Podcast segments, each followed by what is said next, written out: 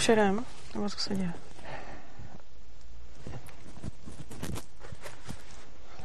Teď bych měl být na správném streamu. My jsme jeli že jo, opravdu? Jo. Tak. Tak jo, teď nás asi slyšíte.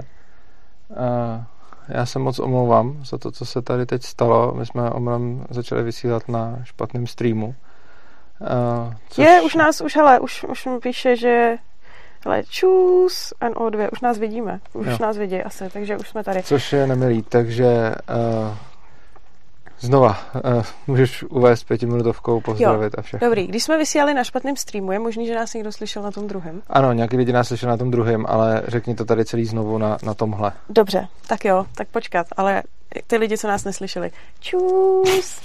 Tak. Vítejte, vážení diváci. Zdravím vás do studiu svobodného přístavu u dalšího live streamu. Tentokrát na správném, na správném live streamu. To, co se nám před chvilkou stalo, bylo, že jsme omylem začali vysílat na jiném live streamu, na tom, který je inzerovaný s Gabrielou Ješkovou. Eh, což má nějaké nemilé dopady a to ty, že budu celý ten stream muset zakládat znova, eh, což znamená, že všechny ty události na Facebooku a reklamy na něj jsou pravděpodobně neplatný a budou neplatný, protože pochybuju, respektive pokud někdo náhodou víte, jak už odvysílaný a uzavřený stream znova dostat na YouTube do živých, tak mi to řekněte, ale obávám se, že to nepůjde a že ho budu muset celý založit znova.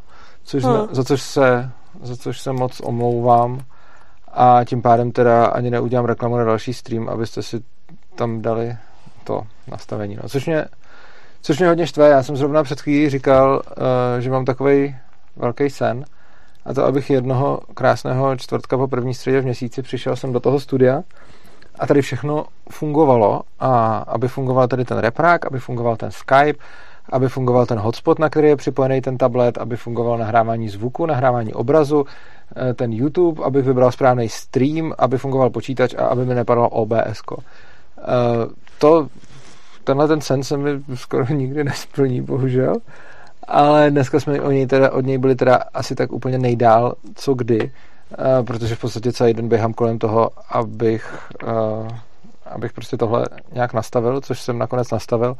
Ale v rámci toho, jak to bylo náročné, protože nefungovalo tentokrát doopravdy nic, a to od Skypeu, repráku, hotspotu pro ten tablet, obrazu, zvuku, nefungovalo fakt nic, tak uh, jsem potom v rámci asi toho stresu udělal chybu a začal jsem vysílat na nesprávném streamu, čímž jsem si ho ještě krásně jako podělal.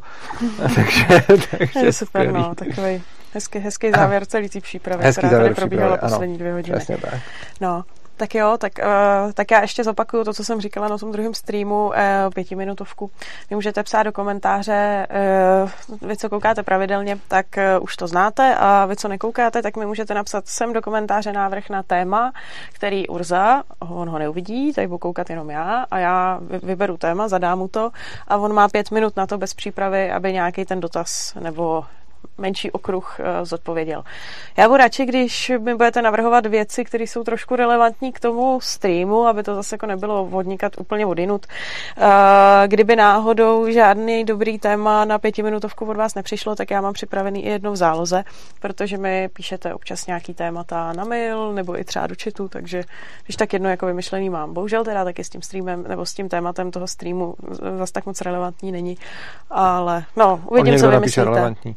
Každopádně, proč jsem tady uh, vám říkal všechny ty fňuky? Fňukal jsem tady jednak proto, uh, že se mi chtělo a jednak taky proto, abych se dopředu omluvil, pokud eh, během vysílání narazíme na nějaký, na nějaký technický problém, uh, protože to považuji za relativně pravděpodobný. Uh, co ale můžete dělat, a byl bych fakt rád, kdyby to někdo z vás udělal, a to spojit se s náma tady do studia. Byl bych za to fakt rád, protože mi docela trvalo to zprovoznit.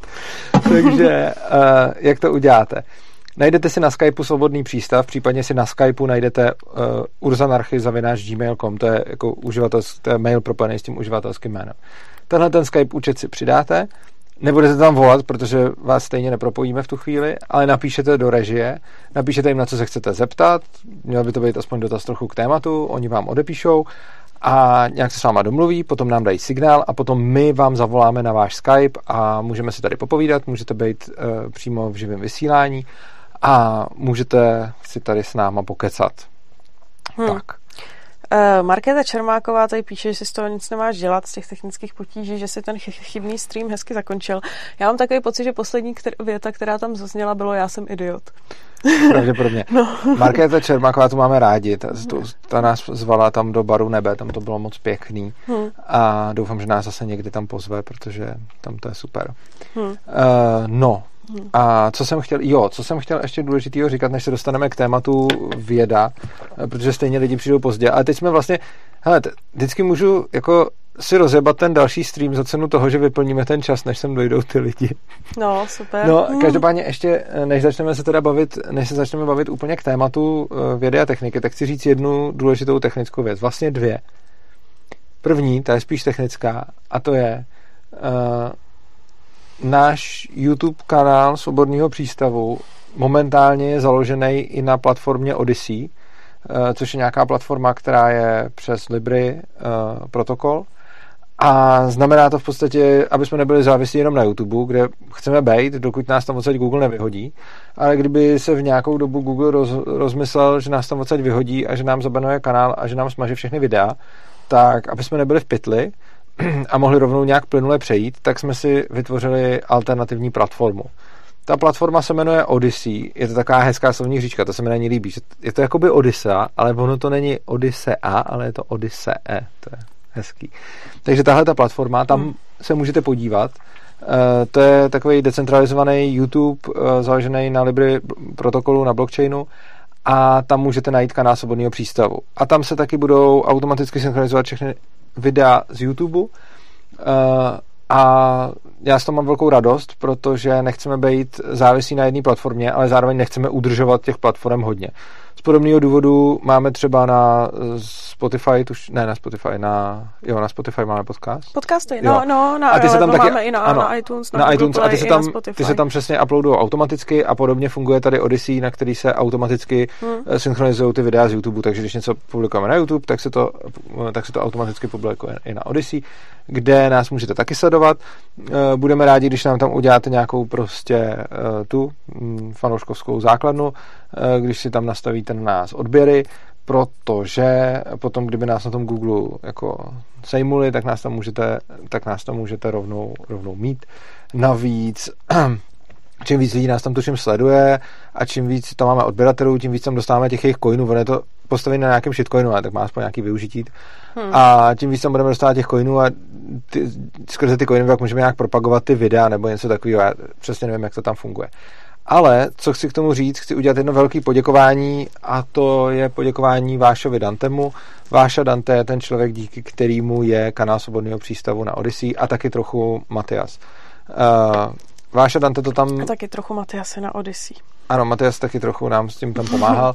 Uh, Váša Dante to tam uh, všechno statečně prokopával, zjišťoval, jak to funguje, uh, řešil problémy se synchronizací, spousta videí se tam na poprvé nenahrála, takže Váša Dante to tam, to tam hmm. prostě jako s tím strávil strašně moc času, hrozně moc se s tím trápil a když už to bylo skoro u konce, tak už se strašně naštval a potom jsem teda požádal Matiase, aby ještě čeknul, který ty videa tam chybí. Matias to čeknul a nakonec jsme je tam úspěšně nahráli, takže teď by eh, na Odyssey mělo být přesně ty stejné videa, jako jsou na YouTube. Je to něco, co jsme dělali asi půl roku. Nebo já nevím, jak dlouho, strašně dlouho jsme to dělali. Uh, protože jsem byl fakt hrozný voser. A jsem rád, že už to konečně funguje takže si nás tam můžete naladit a hmm. všechno, co je na YouTube, najdete i tam. Eh, od někoho jsem slyšel, že to má nějakou úžasnou výhodu a to, že když to pouštíte někde na telefonu, tak si to můžete vyp- ten telefon vypnout displej a ono to hraje dál, na rozdíl od YouTube, který když si vypnete displej, tak hrát přestane, takže někdo Myslím, že když máš premium účet na YouTube, tak... Když si... máš premium, tak ne, a, ale normálně se ti vypne hmm. a někdo právě říkal, že, že nás bude poslouchat na Odyssey, protože si může vypnout telefon a, a poslouchat to tam. Samozřejmě budeme, ale zároveň, jako nechceme, abyste přecházeli z YouTube na Odyssey, spíš si to tam jako dejte třeba, že si tam založíte účet a jenom se nás tam dáte sledovat, abyste nás podpořili, protože budeme samozřejmě rádi, když nás budete sledovat na, na YouTube, my zase nechceme úplně jako drolit hmm, tu, hmm, hmm. tu základnu, jenom děláme prostě tady nějakou zálohu. Hmm. To je první technická věc, kterou můžeme, kterou můžeme oslavit. Uh, a druhá technická věc, no, to je tak napůl technická, prostě sehnali jsme podpisy. Ano, na to tady máme už dotaz. Kolik ano. máme podpisů? Podpisů máme 1332. hmm. což už je dostatek na to, že to budeme odesílat na ministerstvo. A mohli bychom tady o tom strašně dlouho mluvit, ale to nebudeme dělat, protože už jsme dneska o tom natočili video, který zveřejníme v neděli. Což znamená, jo. že uh, v neděli se podívejte v poledne na kanál Svobodného přístavu a tam vyjde video, ve kterém vám řekneme všechno o hmm. podpisech. Dokonce uvidíte, jak vypadá hromada 288 je to, je to obálek. A, a no. jaký všechny věci jste nám poslali, protože jsme dostali spousty dárků od jo, vás, jo, protože jo, jste přibalovali k podpisovým archům neuvěřitelné věci. No, to jo, no. Takže to všechno se můžete podívat v tom videu. Moc vám děkujeme. Je to fakt skvělý. Co mi přijde úplně fascinující, že vlastně během měsíce a půl jsme sehnali tolik podpisů. Je to naprosto super a fakt díky. Fakt děkujeme, že jste se prostě obtěžovali jít na tu poštu, že vám to stálo za to to vytisknout hmm. podepsat. A zejména děkujeme všem těm, kdo třeba zorganizovali podpisové místo nebo nám poslali úplně zaplněný petiční arch, protože se prostě zasnažili. A díky tomu můžeme teď jít na ministerstvo zakládat stranu, uvidíme, co nám tam řeknou, buď nás pošlou do háje, nebo nepošlou. To ještě uvidíme, každopádně fakt díky. Je to zase další případ toho, kdy mám spoustu energie k tvorbě, protože v podstatě cokoliv děláme, tak máme tak úžasnou podporu od vás, vážení diváci, že je to fakt neskutečný. A já jsem za to hrozně vděčný. Jsem hrozně vděčný za to, že jsme součástí téhle komunity a že vlastně jste se k nám nikdy neotočili zády. A že kdykoliv jsme dělali nějaký projekt, tak jste nás strašně moc podpořili. A to způsobem naprosto nevýdaným. A kdykoliv jsme potřebovali nějaký dobrovolníky, tak se jich hmm. vždycky našlo víc. A kdykoliv jsme od vás něco chtěli, tak jsme to většinou dostali ve formě větší než skvělý a v množství větším než dostatečným. Takže vám všem děkujeme, stejně tak děkujeme všem dobrovolníkům, kteří tady dobrovolničí ve svobodném přístavu, jako třeba teď v režii. A, hmm. a tak, takže fakt díky. Tohle je super a víc informací o tom v neděli. Hmm, já bych jenom doplnila jednu takovou informaci, jestli ještě nějaký podpisy máte, tak eh, dopošl, klidně nám ještě jo. dopošlete, jo, protože ano. my to uh, budeme dávat na to ministerstvo až jako za pár dní, takže ještě pořád je čas nám, když tak ještě ano. nějaký podpisy doručit. Já určitě vím, že nějaký na cestě ještě máme, uh, ještě určitě několik desítek jich máme na cestě, takže těch 1332, co jsme řekli, potřebujeme minimálně tisíc, ale my jsme chtěli mít něco do rezervy, protože některé podpisy budou uh, neuvěřitelný tím, že budou třeba nečitelný nebo budou nekompletní, tak aby tam byla nějaká rezerva. Přesně tak. Takže 1332 ještě není konečný číslo. Ano, a stihnete to, určitě to stihnete poslat, protože hmm. jako když, když teď půjdete a pošlete to zítra, uh, tak nám to určitě ještě dojde, protože máme docela vytíženého právníka, protože tohle není jediná věc, kterou pro nás dělá. Uh, vlastně pracujeme ještě na jednom projektu, který vám oznámíme časem ale právník už je teď eh, docela vytížený, takže ještě musí udělat kolem té strany nějakou byrokraci, takže pravděpodobně na to ministerstvo půjdeme někdy příští týden hmm. nebo tak nějak, takže ještě jako můžete doposlat podpisy, pokud nějaký máte. Hmm. Tak. To by bylo asi všechno. To by bylo asi teďka všechno k podpisům. Nevím, jestli máme ještě nějakou akci, kterou bychom potřebovali zapropagovat. No jasně, konferenci. No, tak to už je, to je za dlouho. 18. září bude konference. 1. Eh, září bude přednáška Hmm. Uh, přednášet bude Zdeňka Staňková a bude přednášet v centrále o unschoolingu. 2. září bude ten livestream, který jsem si teď podělal tím, že jsem na něm začal vysílat dneska, takže ho znovu založím, hmm. znova ho obnovím. Ježíš Maria, to se mi tak chce. Uh, znova na něj všude dám ty linky, které už jsem zveřejnil a všichni ty lidi, kteří jste se tam přihlásili, uh, tak vlastně už tam přihlášení nebudete, protože to celý smažu takže vlastně ten stream prostě založím někdy během dnešní noci nebo zítřejšího dne znovu a vy na ten stream se budete moct hmm. připojit. Uh, takže prosím o strpení, já vám ho pokusím se založit co nejdřív. Já vždycky hrozně rád na tom live streamu říkám a i proto ho zakládám předtím, jako už teď se můžete jít no, jasný, přihlásit no. na ten další. Bohužel teď to není hmm. ten případ, takže, hmm. takže tak. Hmm. No, máme se už teď dostat k pětiminutovce. Co jako můžeme se klidně dostat pěti minut. Ale je to takový složitý tady, jo, protože... Říkali lidi něco na Odyssey nebo na, ne, ne, na technické problémy nebo na podpisy? Ne, jakože... Uh, uh, hele, tak já to odzadu, když něco řeknu, ale nic moc extra zásadního. To ale... Škoda. Já jsem doufal v bouřlivý reakce. Jo, no ne. Tak, uh, Absintorix tady uh, má dotaz na patentovou ochranu což uh, ale já nevyberu jako pětiminutovku, protože my se k tomu nejspíš dostaneme během toho streamu. Ale až úplně na konci. Asi až úplně na konci, jo. Jako téma, téma super, určitě, máme to v plánu, takže k tomu se dostaneme. Pak uh, tady... Víš, že minule jsme se nedostali k tomu, co jsme měli na konci a předminule taky. Fakt? Hmm. Aha. A tak já myslím, že k těm patentům se dostaneme. Tak se dostaneme k patentům. No. Pak přesně eh, to samý Archanděl Anarchon, kdo by vytvářel nové věci, pokud by se nemohl patentovat, tak to je, to je podobný případ. No a mně se, mně se tady totiž líbí, ono zjevně se dneska hraje nějaký hokej, jsem poch, pochopila. Takže nás nikdo nekouká. Uh, no je možný, že na nás nikdo nekouká.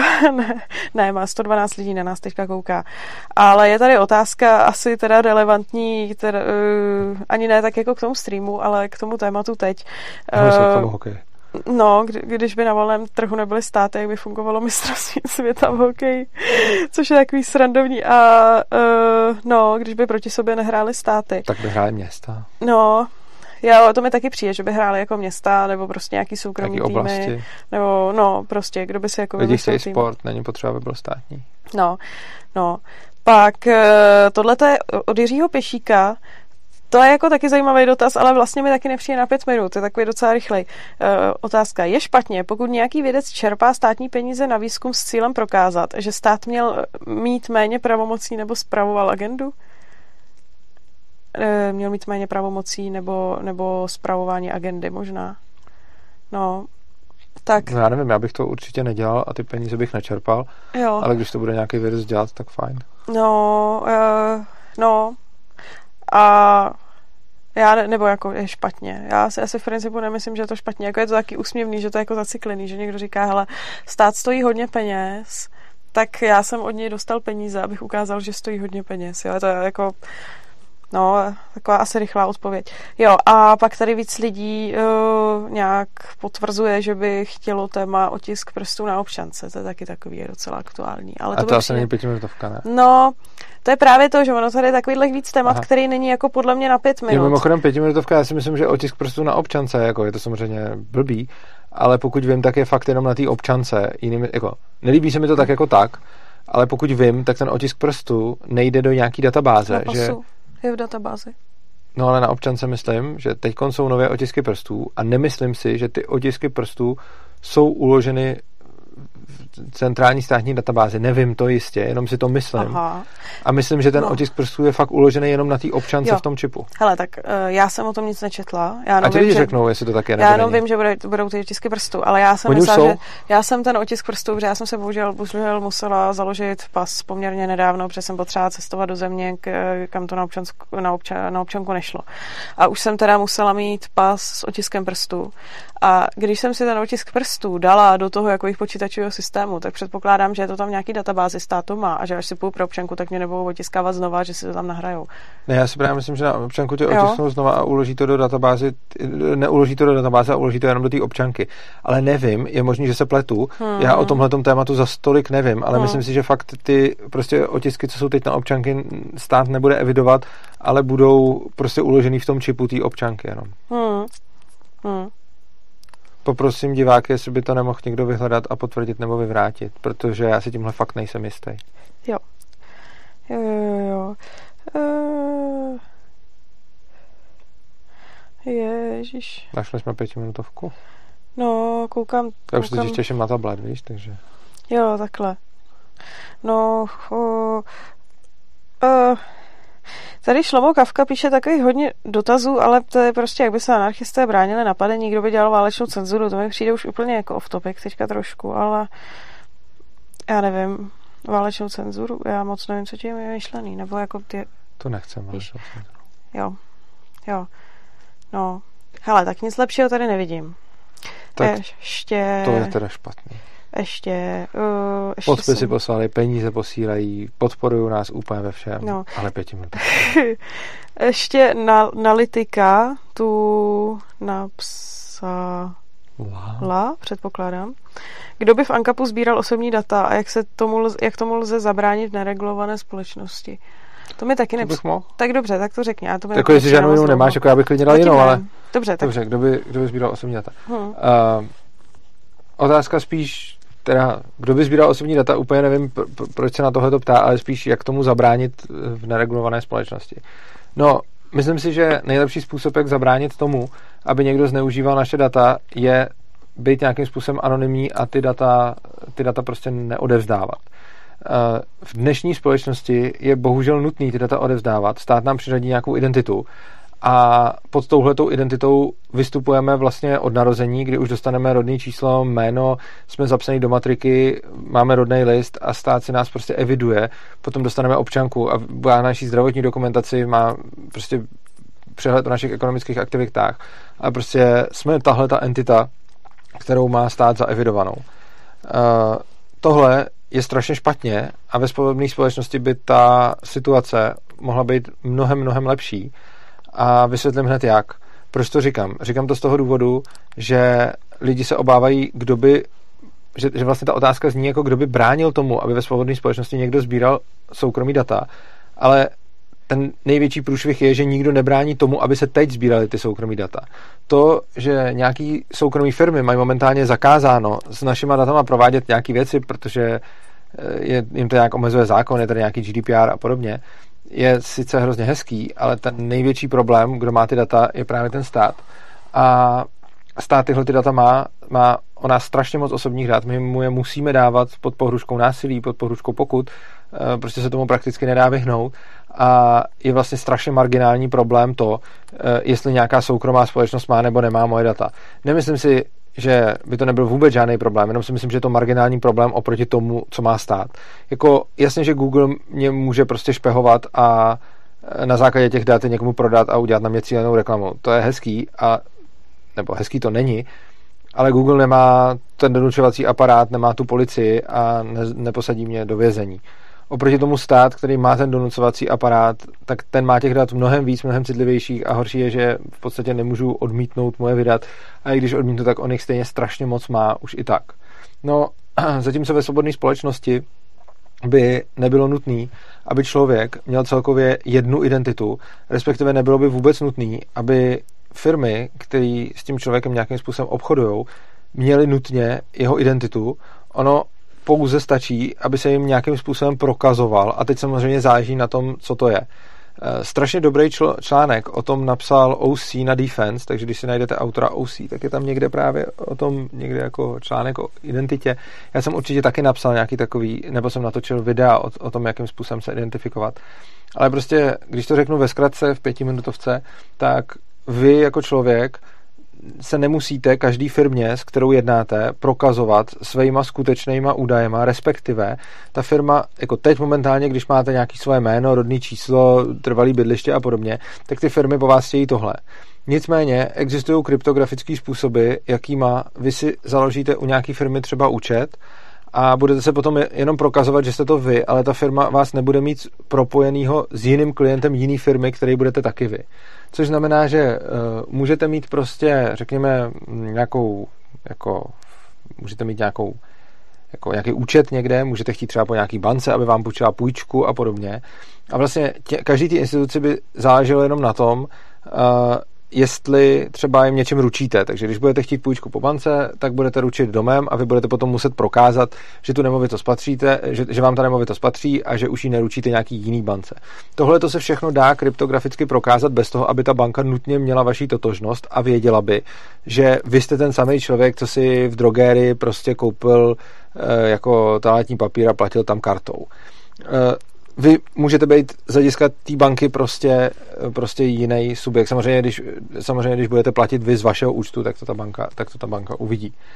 Nicméně, eh, když vy si jdete třeba k té bance založit účet, tak dneska tam musíte mít jméno. Ale něco tak, a, a prostě musíte tam dát všechny svoje identifikátory. Ale něco takového nemusí být vůbec potřeba.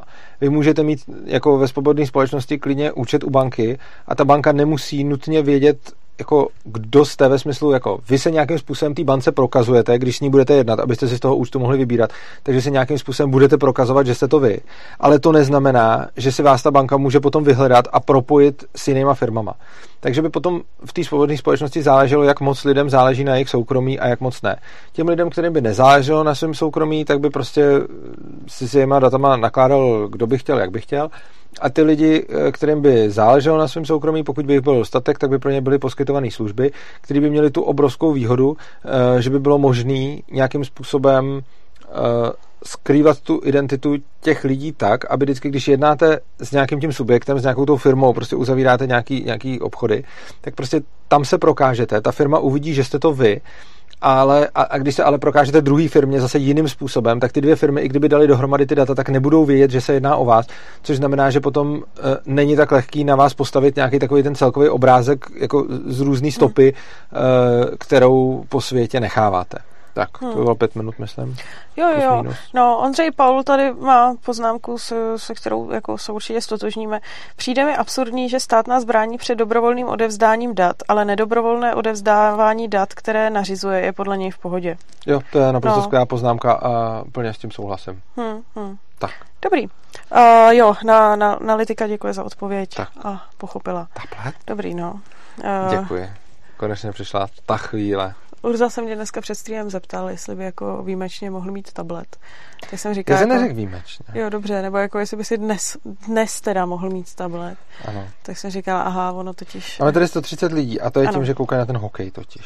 Hmm, je to možné. A taky, a taky tím, že je, venku, že je venku hezky. Venku je hezky. A... je taky důležitý. Jo, tady Vladimír Kulátek píše, chtěl by rád odkaz na Odyssey. Uh, píše se to O, D, Y, S, E, E a nějakým způsobem, na to nemám odkaz, ale když si zdáte do Google tohleto slovo, tak vám vypadne ta síť a když tam vlezete, tak tam dáte kanál svobodného přístavu a tam bude memy. A tam to všechno je. Tam to všechno je, přesně hmm. tak. Tak jo, tak my už se asi uh, dostaneme k oficiálnímu tématu. Ano, a, to je věda. A to je věda. A nějak tak jako zasazení, zasazení vědy do nějakého kontextu, já nevím, volného trhu nebo, nebo státu a tak. Ano. A já si myslím, že asi primárně začneme tak jako obecně, obecně vědou, až uh, pak postupně se dostaneme k takovým otázkám, třeba jako kdo by sponzoroval vědu, kdyby nebyla placená ze státního rozpočtu a tak. A kdo by stavil silnice? No, přesně tak. No, to téma vědy, uh, ono je vlastně bych tak jako řekla, poslední, poslední celý rok takový hodně aktuální, protože uh, tady vznikl nějaký problém, který uh, byl zkoumaný různýma vědcema z různých úhlů ze všech stran a sledovalo to docela hodně lidí po celém světě. Takže, takže to bylo jako zajímavý. Byla to taková mně to jako přišlo chvílema jako věda v přímém přenosu, protože pro hodně lidí bylo najednou jako překvapivý, že přece jenom jsme do té doby žili v nějakém takovém jako světě, kde už se tak jako bralo, že hromadu věcí jako víme, hromadu věcí je jasných.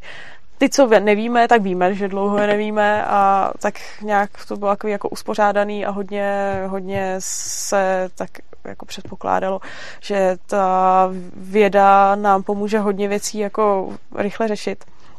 A Objevil se tady, objevil se tady virus, který byl eh, ne, nepřed, ne, ne, neočekávaný a najednou, až se na něj soustředila pozornost vědců z celého světa, tak eh, v podstatě doteď na něj nemáme účinnou terapii. Doteď strašně moc věcí o, o tom onemocnění, který ten virus způsobuje, není jasných. Eh, ten virus má i nějaký trvalý následky, eh, který vůbec nevíme, proč u někoho vznikají, proč u někoho nevznikají a vůbec jako na jakém podkladě vznikají a co přesně jako způsobí. A a to je pořád jako situace, kdy se tomu jako věnovali usilovně věci z celého světa, jo? tak tohle je takový jako zajímavý, že vlastně můžeme sledovat v přímém přenosu to, jak je to v té vědě jako náročný, jak strašně moc věcí jako nevíme a zjistit to, co kolikrát jako není snadný. Mně se třeba líbilo z začátku kde ještě před nějakým rokem, když uh, se přesně dělali jako první, popisovali se poprvé ty nemocní uh, tím covidem a zkoušeli se různé léky a teď uh, my jsme pravidelně koukali na různé studie, které o tom vycházely a bylo hrozně zajímavé sledovat, jak z celého světa různí doktoři, vědci, farmaceuti sepisovali studie, které byly úplně chaotické a dost často si úplně protiřečily, logicky, protože to bylo úplně jako na začátku.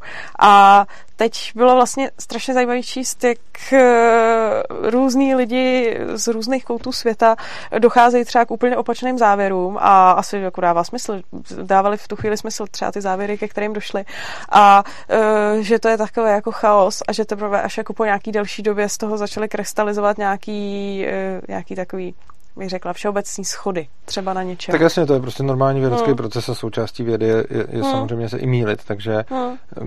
mně to nepřišlo moc jako nějaký překvapivý, celkem se to dá hmm. čekat. Hmm. Uh, tady hmm. Šimon Šplíchal píše stream, zrovna když je hokej.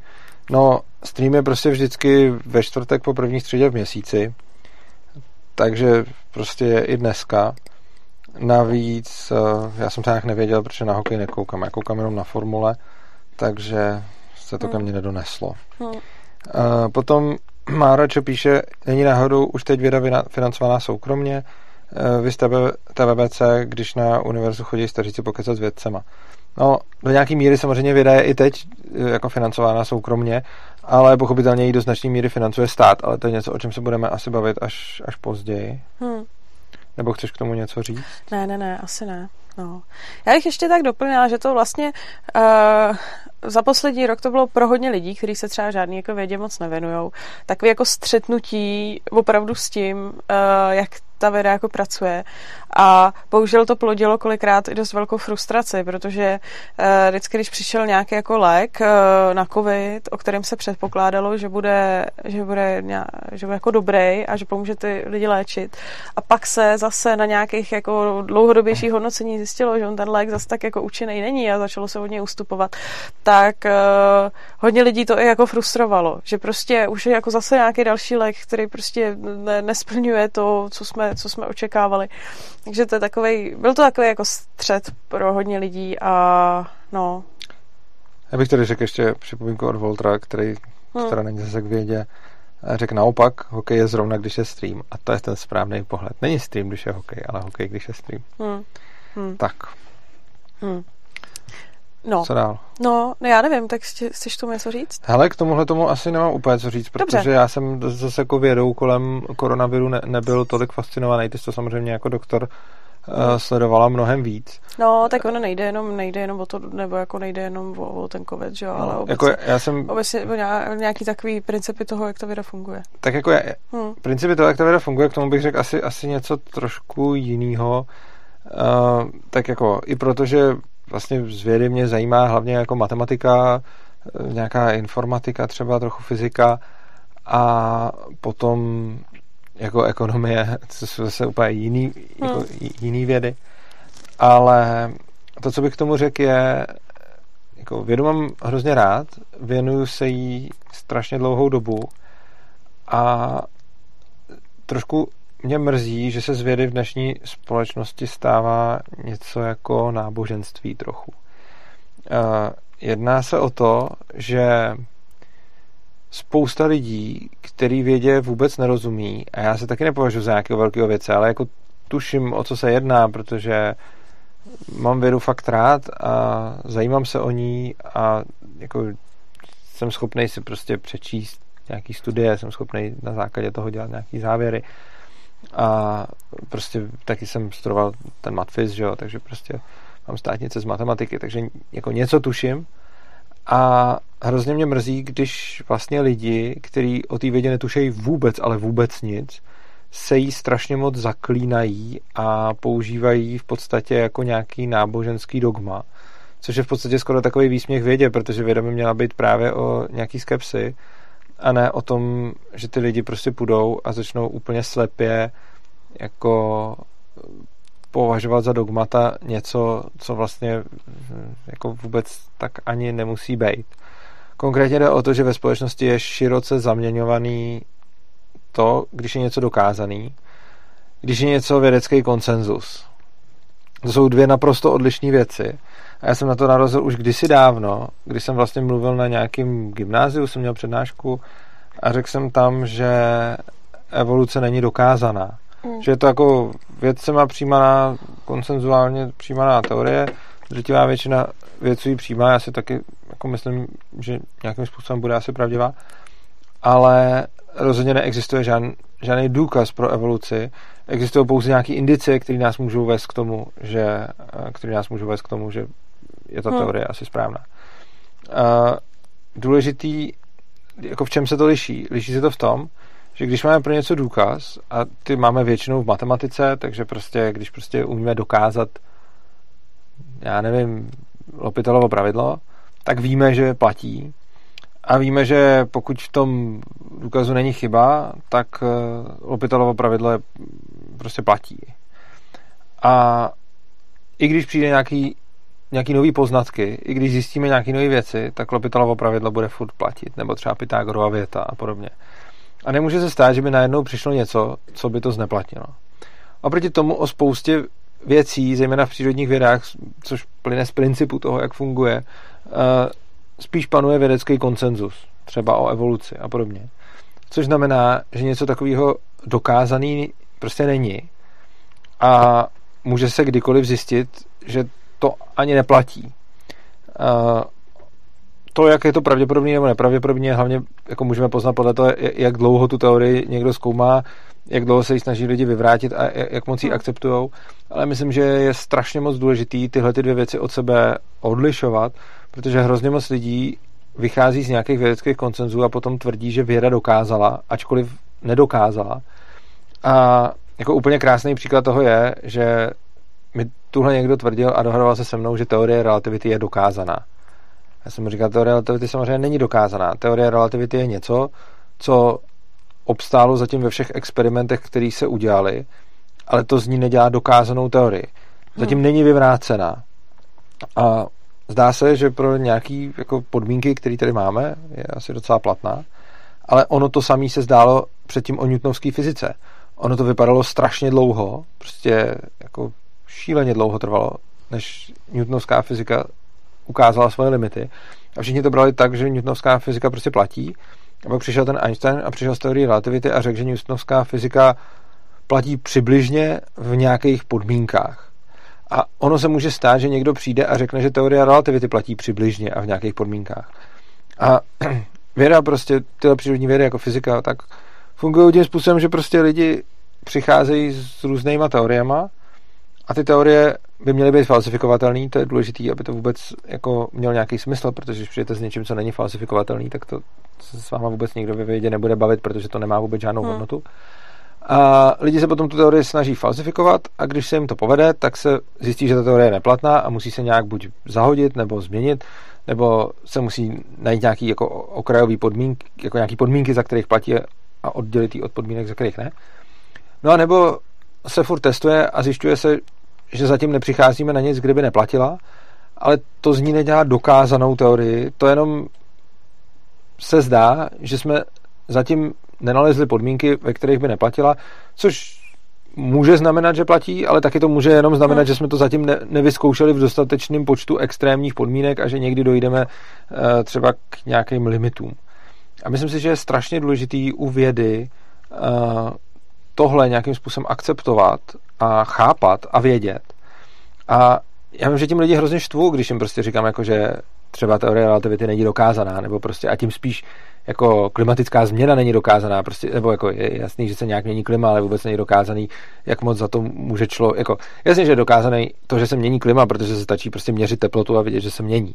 Ale to třeba, že za to může člověk, dokázaný není, není dokázaný, jak moc za to může člověk, není dokázaný, jak moc je to cyklický, Všechno z toho k tomu může mít nějaký teorie, ale prostě důkazy, důkazy k tomu nemáme. A je spousta dalších takových věcí, které prostě nejsou dokázané a které můžeme nějakým způsobem odhadovat.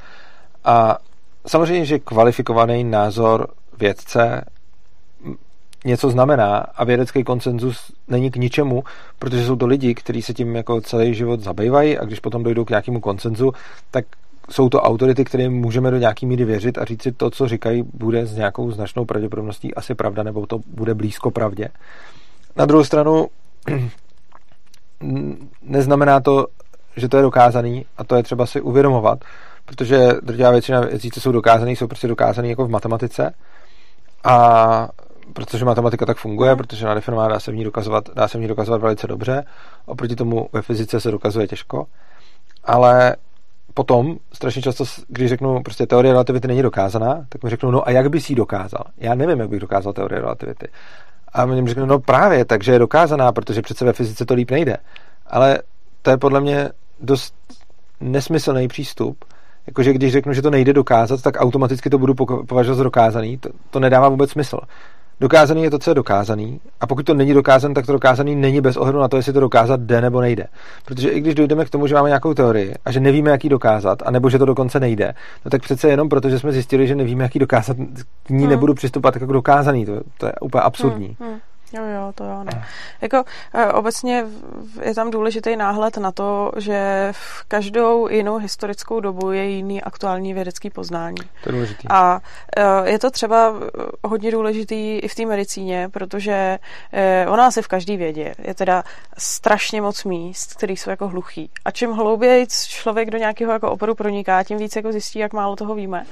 A tyhle ty místa se můžou v průběhu jako času s, pokru, s, po, s pokračujícím vývojem jako zaplňovat.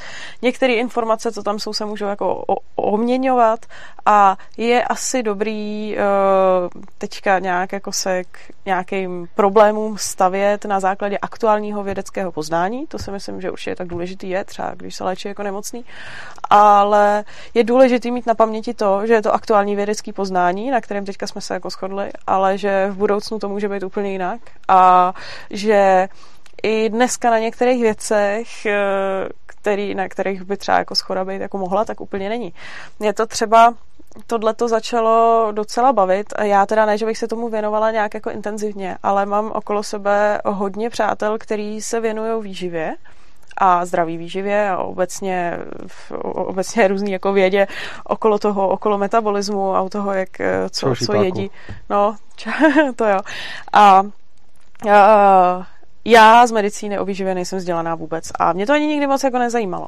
Ale pak, když eh, jsem s, s protože my máme jeden takový jako společný chat na Telegramu a eh, právě tam různí, různí lidé z toho chatu dávají eh, některé studie a, a tak jako jsem si to začala načítat tohle a poslouchala to a vlastně mě na tom zaujalo, jak jako výživa, což jsem si myslela, že je jako relativně jasný, jo, že prostě takový ty poučky, jak se říká, já nevím, 60% sacharidů máš jíst, eh, já nevím, 10% tuku, 30 bílkovin, ale vůbec nevím ty čísla, jo, fakt, fakt. 60% sacharidů mi přijde dost hodně. No, to asi je hodně. No, nevím, že to máš mít prostě jako vyváženou stravu, nějak sacharidy, nějak jako tohle, no a uh, dneska, že jo, je, asi bych řekla jako vědecký konsenzus na tom, že třeba jako, když je dobrý a špatný cholesterol, tak ten špatný cholesterol, že bychom měli v lidském těle jako v krvi a hladinu držet jako na absolutní minimum.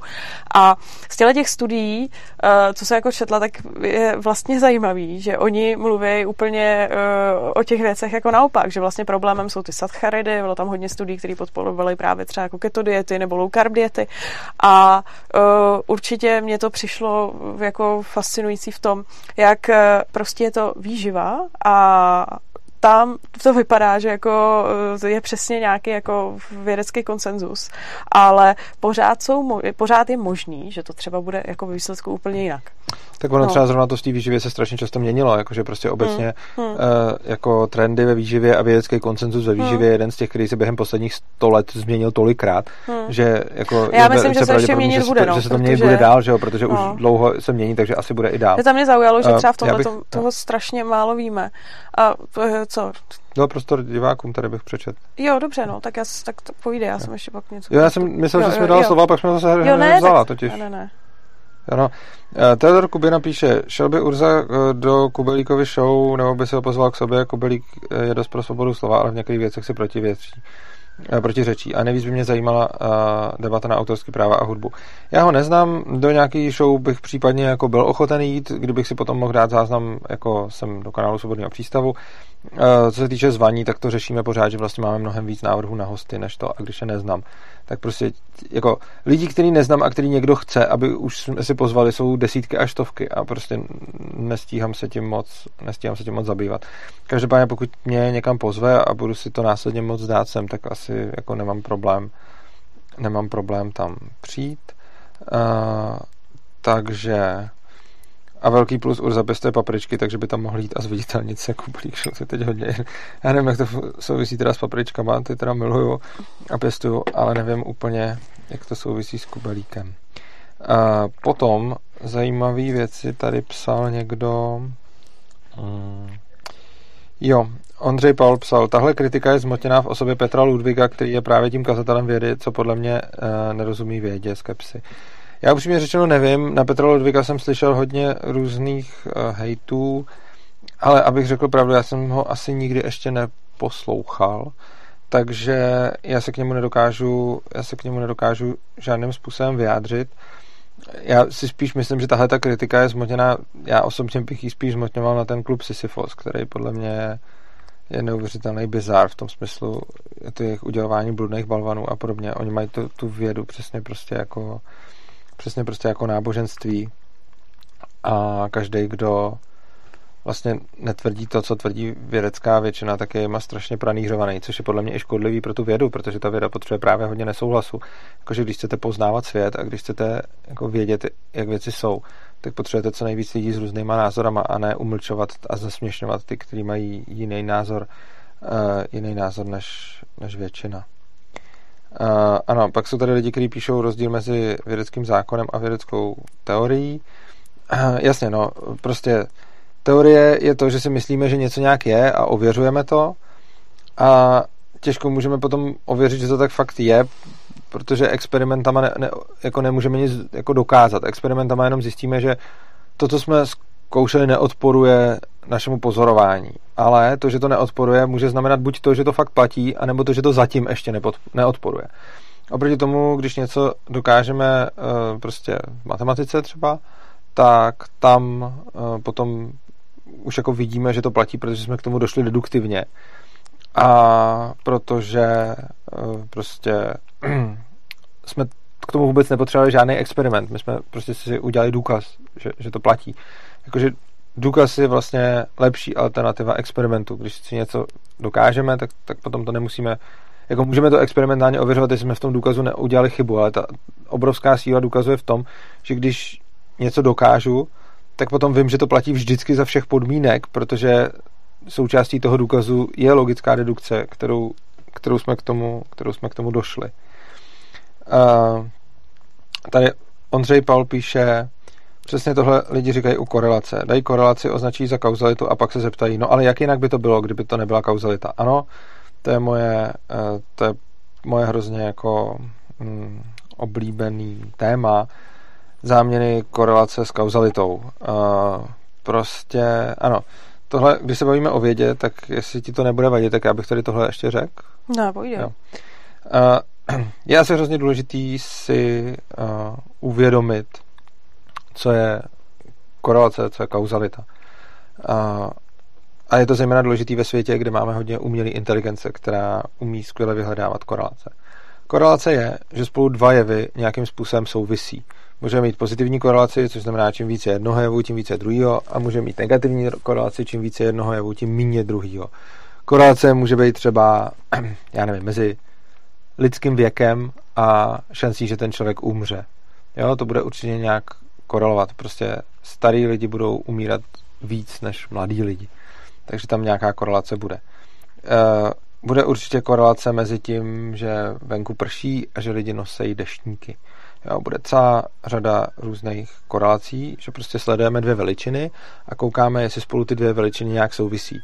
Jestli, za, jestli prostě, když není žádná korelace, tak ty dvě veličiny spolu prostě nesou, nesouvisejí. Prostě jde čas a ty veličiny různě tak jako poskakují někdy spolu, někdy proti sobě, někdy prostě nějak a, a neovlivňují se. Když, co pak?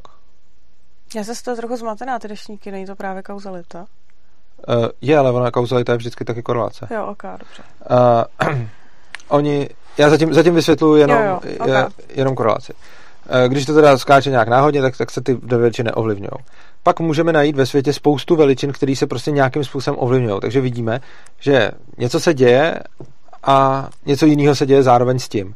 A to buď pozitivně nebo negativně. Můžeme mít pozitivní negativní korelaci. Takže můžeme mít to, že když jeden jev se zvyšuje, třeba víc prší, tak jsou ty víc deštníky. A pozor, ta korelace je vzájemná, což znamená, že koreluje dešť a výskyt deštníků a tyhle ty dvě věci korelují jako na, na, na prostě obě strany a není to, neznamená to ještě, že by jedno plynulo z druhého. Potom máme kauzalitu a teď pozor, to je přesně jak si říkala, ano, deštníky a dešť je kauzální vazba, nikoli v pouze korelace, ale zároveň je to taky korelace. Aby něco byla kauzalita, tak to musí být korelace. Ale když je něco korelace, tak to ještě neznamená, že to je kauzalita. Jinými slovy, když se dva jevy ovlivňují, když máme dva jevy, mezi kterými platí korelace, tak to může znamenat, ale nemusí to znamenat, že jeden způsobuje druhý. A to je kauzalita. Kauzalita je, když jedna věc způsobuje druhou. Takže třeba začne pršet, vezmu, lidi si berou deštníky prostě. Takže to je kauzalita. Zároveň je to taky korelace, protože nemůžu mít kauzalitu, která by nebyla korelací. Jo? To, to, to. Ale můžu mít spoustu korelací, které nejsou kauzalitou. V čem je to důležitý? Je to důležitý v tom, že uh, často vidíme kauzalitu, vidíme korelaci, ale lidi automaticky předpokládají, že to je kauzalita, i když k tomu nemají žádný důkaz. U toho deště a deštníků se to dá deduktivně odvodit. Tam prostě vidím, že ty lidi si berou ten deštník, protože prší. Můžu to zjistit tak, že se jich třeba zeptám. Zjistím, proč jste si brali deštník, eh, udělám průzkum a všichni ty lidi mi řeknou, vzal jsem si deštník, protože prší. A z toho můžu udělat už nějaký rozumný závěr, eh, že prostě to byla korelace i zároveň kauzalita. Na druhou stranu, když nebudu k tomu mít žádný další data a jenom zjistím, že ty dva jevy se ovlivňují, tak nevím. Za prvé, jestli se, jestli jeden způsobuje druhý. A teď pozor, který způsobuje který. Jo? Ono asi víme, že to, že si vezmu deštník, neznamená to, že začne pršet. Ale když No, k tomu se dostanu časem. Prostě jeden může způsobovat druhý, nebo druhý může způsobovat první, a nebo taky může existovat třetí jev, který já vůbec neznám a nesleduju a který způsobuje oba dva. Takže dva jevy můžou korelovat, i když se vzájemně nebudou, i když jeden nebude způsobovat druhý. Když řeknu příklad takovýchhle jevů, určitě bude korelovat uh, to, že lidi nosí deštníky s tím, jak moc jsou nachlazený potom. Jo? Takže když budu mít, bude, bude korelovat nošení dešníků a nachlazení. Ale pozor, mezi těma těma věcma není kauzalita. Není to tak, že když jsem nachlazený, tak si vezmu dešník. Ani to není tak, že když si vezmu dešník, tak z toho nachladnu. Ale je to, že existuje další jev, a to je déšť, který potom kauzálně způsobuje jak nošení dešníků, tak nachlazení. Takže je hrozně důležitý si všimnout, že potom, když jako sledujeme svět a vidíme kauzalitu, vidíme korelaci, tak to ještě nemusí být kauzalita. A tohle je strašně důležité si uvědomovat právě u umělé inteligence, protože umělá inteligence neumí poznat kauzalitu, ale umí vyhledávat korelace. Je to strašně silný nástroj, je to hrozně důležitý, je hrozně dobrý vědět, že něco s něčím koreluje, protože nám to potom dává nějaký hinty k tomu, že by tam ta kauzalita mohla být, ale ještě to z toho neplyne. A potom na závěr, jako chybný závěr z toho, že někam nasypu data a něco zjistím je, do umělé inteligence nasypu data a, nasypu, a ona může koukat na úplně všechny data a sledovat, uh, sledovat nějaký kauzality. Mimochodem třeba uh, je takový je takový seznam nejkurioznějších kauzalit. Uh, jedna, která se mi hrozně líbila, že nějakým způsobem platí hrozně vysoká kauzalita mezi uh, jo, jo, že to taky může být náhoda, protože platí kauzalita mezi, tuším, startama raketoplánů a letama do vesmíru a tuším koncertama a teď nevím koho, nějakýho, nějaký dětský hvězdy, tyjo, jak on se jmenoval, takový ten um, Justin Tim, ne, nevím, nevím, nevím, prostě nějaký, nějaký dětský... Justin Bieber. Justin Bieber, jo, ne, ten Bieber, Justin Bieber, jo. Justin Bieber a lety do kosmu se zjistilo, že prostě on, a to byla jako náhoda asi, že prostě Začal měl koncerty... tak lidi uletěli. ano, měl koncerty, když to... A tohle to našla právě nějaká umělá inteligence, protože ta umělá inteligence pracuje tak, že se jí narve strašně moc dat a on nad nima prostě kouká a hledá, a hledá spojení. A jedno z těch spojení, který právě vyhodila, je, hele, uh, koncerty Justina Biebera korelují s letama do vesmíru. Podívejte se, jestli by to nemohlo souviset. Podíváš se, zjistí, že to nesouvisí, ale koreluje to. Uh, a teď uh, samozřejmě ono, jako když se beru tyhle ty data z minulosti, tak tam vidím tu korelaci, ale ono potom, když to půjde dál, tak ta korelace už tam potom dál nebude, uh, protože prostě se to začne pravděpodobně rozcházet, pokud si fakt Justin Bieber neplánuje koncerty podle, podle NASA, což si nemyslím. No, každopádně, ten problém potom je, že nám umělá inteligence vyhodí nějaký data typu hele, lidi nosí, protože zkoumá všechny, jako z oboru startu raketoplánu a koncertu Justina Biebera, takže mezi tím určitě vezme i ty deštníky a podobně. A umělá inteligence řekne, hele, když lidi nosí deštníky, tak jsou potom nemocní. A z toho by někdo mohl udělat závěr, deštníky způsobují onemocnění, takže nenoste deštníky. Což je chybný závěr a může to vést k negativním efektům. A něco podobného můžeme sledovat, a já neříkám, že to nutně sledujeme, ale může to být případ uh, právě těch klimatických změn, kdy existuje korelace mezi nějakýma změnama klimatu a nějakýma lidskýma aktivitama. Jenže ona existuje korelace mezi skoro vším a nějakýma lidskýma aktivitama. A teď spousta lidí z toho udělalo závěr, že ten vztah je kauzální a že ty lidské aktivity způsobují tu změnu klimatu. Já neříkám, že ne, ale rozhodně jsem dalek tvrzení, že je dokázáno, že ano. Spousta lidí řekne, koreluje to, takže je dokázáno, že jedno způsobuje druhý. A to je totální cesta do pekel. Protože najdu spoustu věcí, které budou korelovat a které rozhodně jako nespůsobují jedna druhou. Vy prostě vsadil bych se, že určitě bude korelovat uh, aspoň nějakým způsobem míra nachlazení s dešníkama, nebo, nebo s teplým oblečením bude ještě víc korelovat. Jo, jasně. Míra s dešníkama to ještě může být sporný, ale když, když bych to dal jako, že korelace uh, nachlazených lidí a teple oblečených lidí, tak tam určitě bude, protože v létě bude méně nachlazených a budou méně teple oblečený. Takže z toho bych potom mohl udělat krásnou kauzalitu, když se teple oblíkáte, tak nachladnete. Jo? A na tohle to hrozně moc bacha.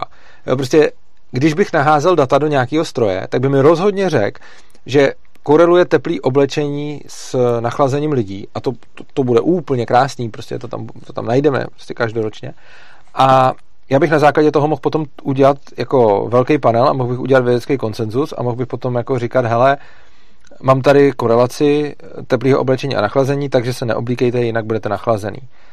To v podstatě říkám pravděpodobně něco, co je na, úplně naopak, ale kdybych k tomu přistupoval tak nekriticky, jak se dneska při, přistupuje k výzkumům právě toho klimatu, tak bych potom mohl říct, že mám důkaz, že teplý oblečení způsobuje uh, nachlazení, protože vidím tu korelaci. A spousta lidí tu korelaci lidské činnosti a, um, uh, a změn klimatu vnímá jako důkaz, což důkaz prostě není. Hmm, hmm, hmm. Jo, jo, jo, tohle je určitě dobrý, no. A no, já, já jsem předtím mluvila právě o tom, jak v některých, nebo asi v podstatě bych řekla jako ve všech vědních oborech je to tak, že o některých věcech se ví, ví strašně málo a jsou tam takové jako hluchý místa. Mě jako třeba s takovým jako speciálním oborem vědním, uh, který mi přijde v podstatě už takový jako hodně pohádkový. To je třeba historie.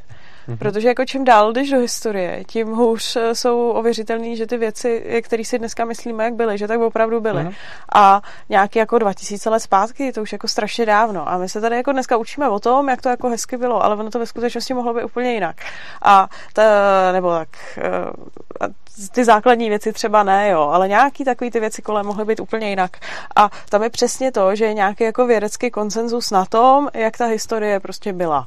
A je zajímavý, že tam je taky strašně silná, uh, silná tak vědecká obec v tom, že když přijde člověk, který uh, ty oficiální historické teze třeba jako začne nějak jako spochybňovat, nebo začne mít nějakou jako trošku svoji alternativní verzi reality, tak je hrozně jako diskreditovaný. Přesně, že se vyvože problém třeba ohledně, ohledně té historie uh, diskutovat o tom, jako jak moc, jak moc se ví, že ty věci, které se říká, že byly, že opravdu byly. No. A to nejde jenom o diskuzi, Hmm. Jak to bych hned něco doplním, jenom tady ještě Ondřej Paul zareagoval na to, říká, mně se často stává, že někdo začne tvrdit ve směs. Je to kauzalita. Sice je prokázaná jen korelace, ale jak jinak by to bylo, než že jeden je způsobuje druhý. Na to je samozřejmě odpověď, eh, jeden jev může způsobovat druhý, nebo taky druhý může způsobovat první, a nebo samozřejmě taky může existovat nějaký další jev, který neznáme a který způsobuje oba dva. A nebo hmm. to taky může být náhoda. Takže těch, eh, těch vysvětlení jako máme celou řadu. Ono, že se znova vracím k tomu, ještě jenom na rychlost, k tomu, k té změně klimatu, že jo? Prostě ono napřed to bylo jako globální oteplování, pak se zjistilo, že to úplně nesedí, tak se z toho udělala změna klimatu a je to přesně o tom, že se prostě jako furt něco hledá. Přičemž já neříkám, že se to klima nemění, jo? to je jako hrozně důležitý, jenom říkám, že není prokázaný, eh, jak moc za to může člověk a byl bych s tím, byl bych s tím vlastně hmm. hodně opatrný. A k tomu, co jsi říkala ty, eh, bych právě říkal, bych právě řekl něco ještě o tom, že je určitá, jako to, to je obrovský problém státní vědy.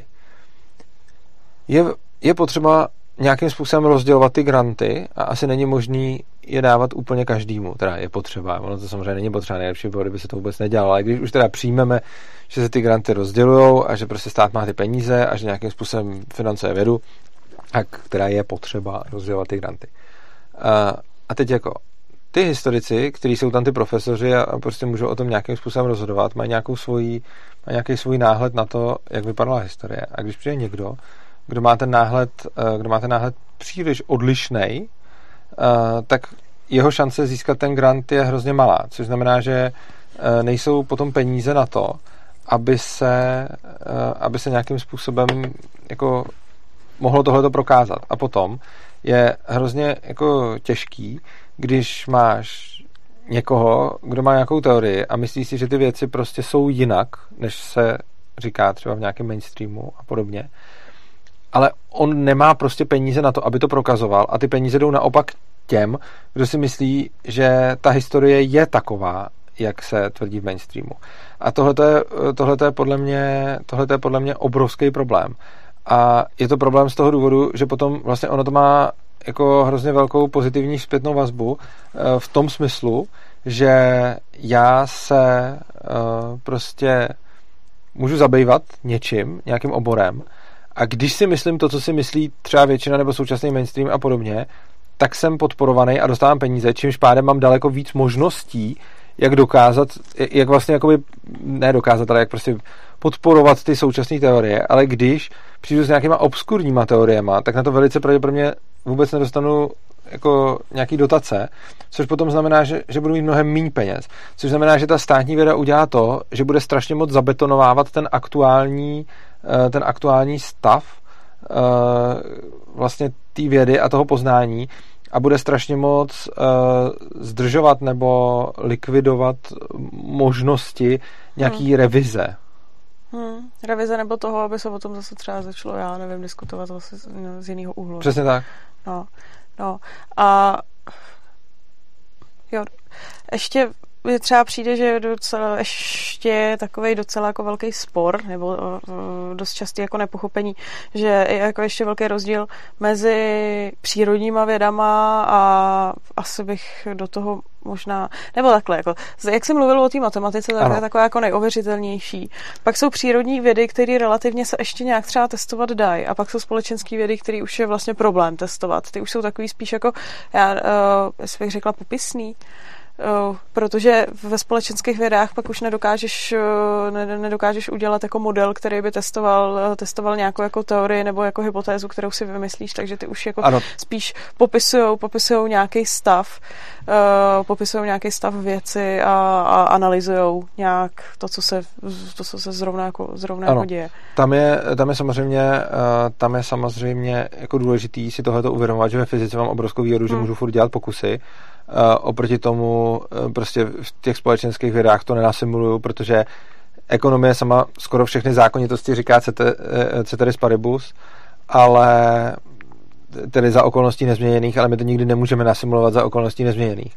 Nicméně tam má právě potom výhodu ta, ta deduktivní metoda, hmm. ta rakouská ekonomie a ta praxeologie vlastně, kdy si troufám tvrdit, že ta praxeologie je v tomhle mnohem podobnější matematice, protože to vlastně logika, logika je součást matematiky, že ta praxeologie je mnohem podobnější matematice, že vlastně těma experimentama se můžu jako dívat, jestli jako to, to, k čemu jsem došel, jestli jsem neudělal nějakou chybu v tom odvozování. Ale prostě když k něčemu dojdu deduktivní metodou, tak si to tím jako v podstatě dokážu. Hmm. Což znamená, že tam vlastně jakože vlastně je paradoxní, že ta praxeologie je mnohem víc podobná té matematice z hlediska jako nějaký dokazatelnosti, než třeba jiný, řekněme v úzovkách jako přírodnější vědy, hmm. protože k tomu přistupuje prostě úplně jinak. Jako, ona není náhoda, že vlastně miluju matematiku a že miluju praxeologii, protože ono je to vlastně pořád použití logiky na něco. V matematice ji používám na nějaký teda jako úplně abstraktní svět, což je super. V praxeologii se ji snažím používat na nějaký teda logický model světa, takže tam pak může jako haprovat eh, to, jestli ten model toho světa, jako, jestli ty lidi fakt tak jako fungují, ale přijde mi, že ta praxeologie je v tomhle hrozně hezká, že, že vlastně nějaký ty věci může v podstatě jako dokazovat. Hmm. Uh, tady mám nějaký věci, které ho Jiří Sakir, Sakir Paloglu, ty už to umíš říct, já to nikdy nebudu umět říct. se mě ptá, zdravím, po zhlédnutí uh, paralelní polis a sáry o umělé inteligenci. To je něco, co může odhalit uh, krásně minulost bez subjektivity člověka. Máme mít strach z nových, z nových technologií. Já na to reaguju, protože uh, Sara mi přijde skvělá, já ji hrozně rád poslouchám. A je to jedna z mých oblíbených youtuberek, s kterou jsem takhle strávil už hodně času. A myslím si, že ona o té umělé inteligenci mluví strašně dobře, ona ji rozhodně rozumí.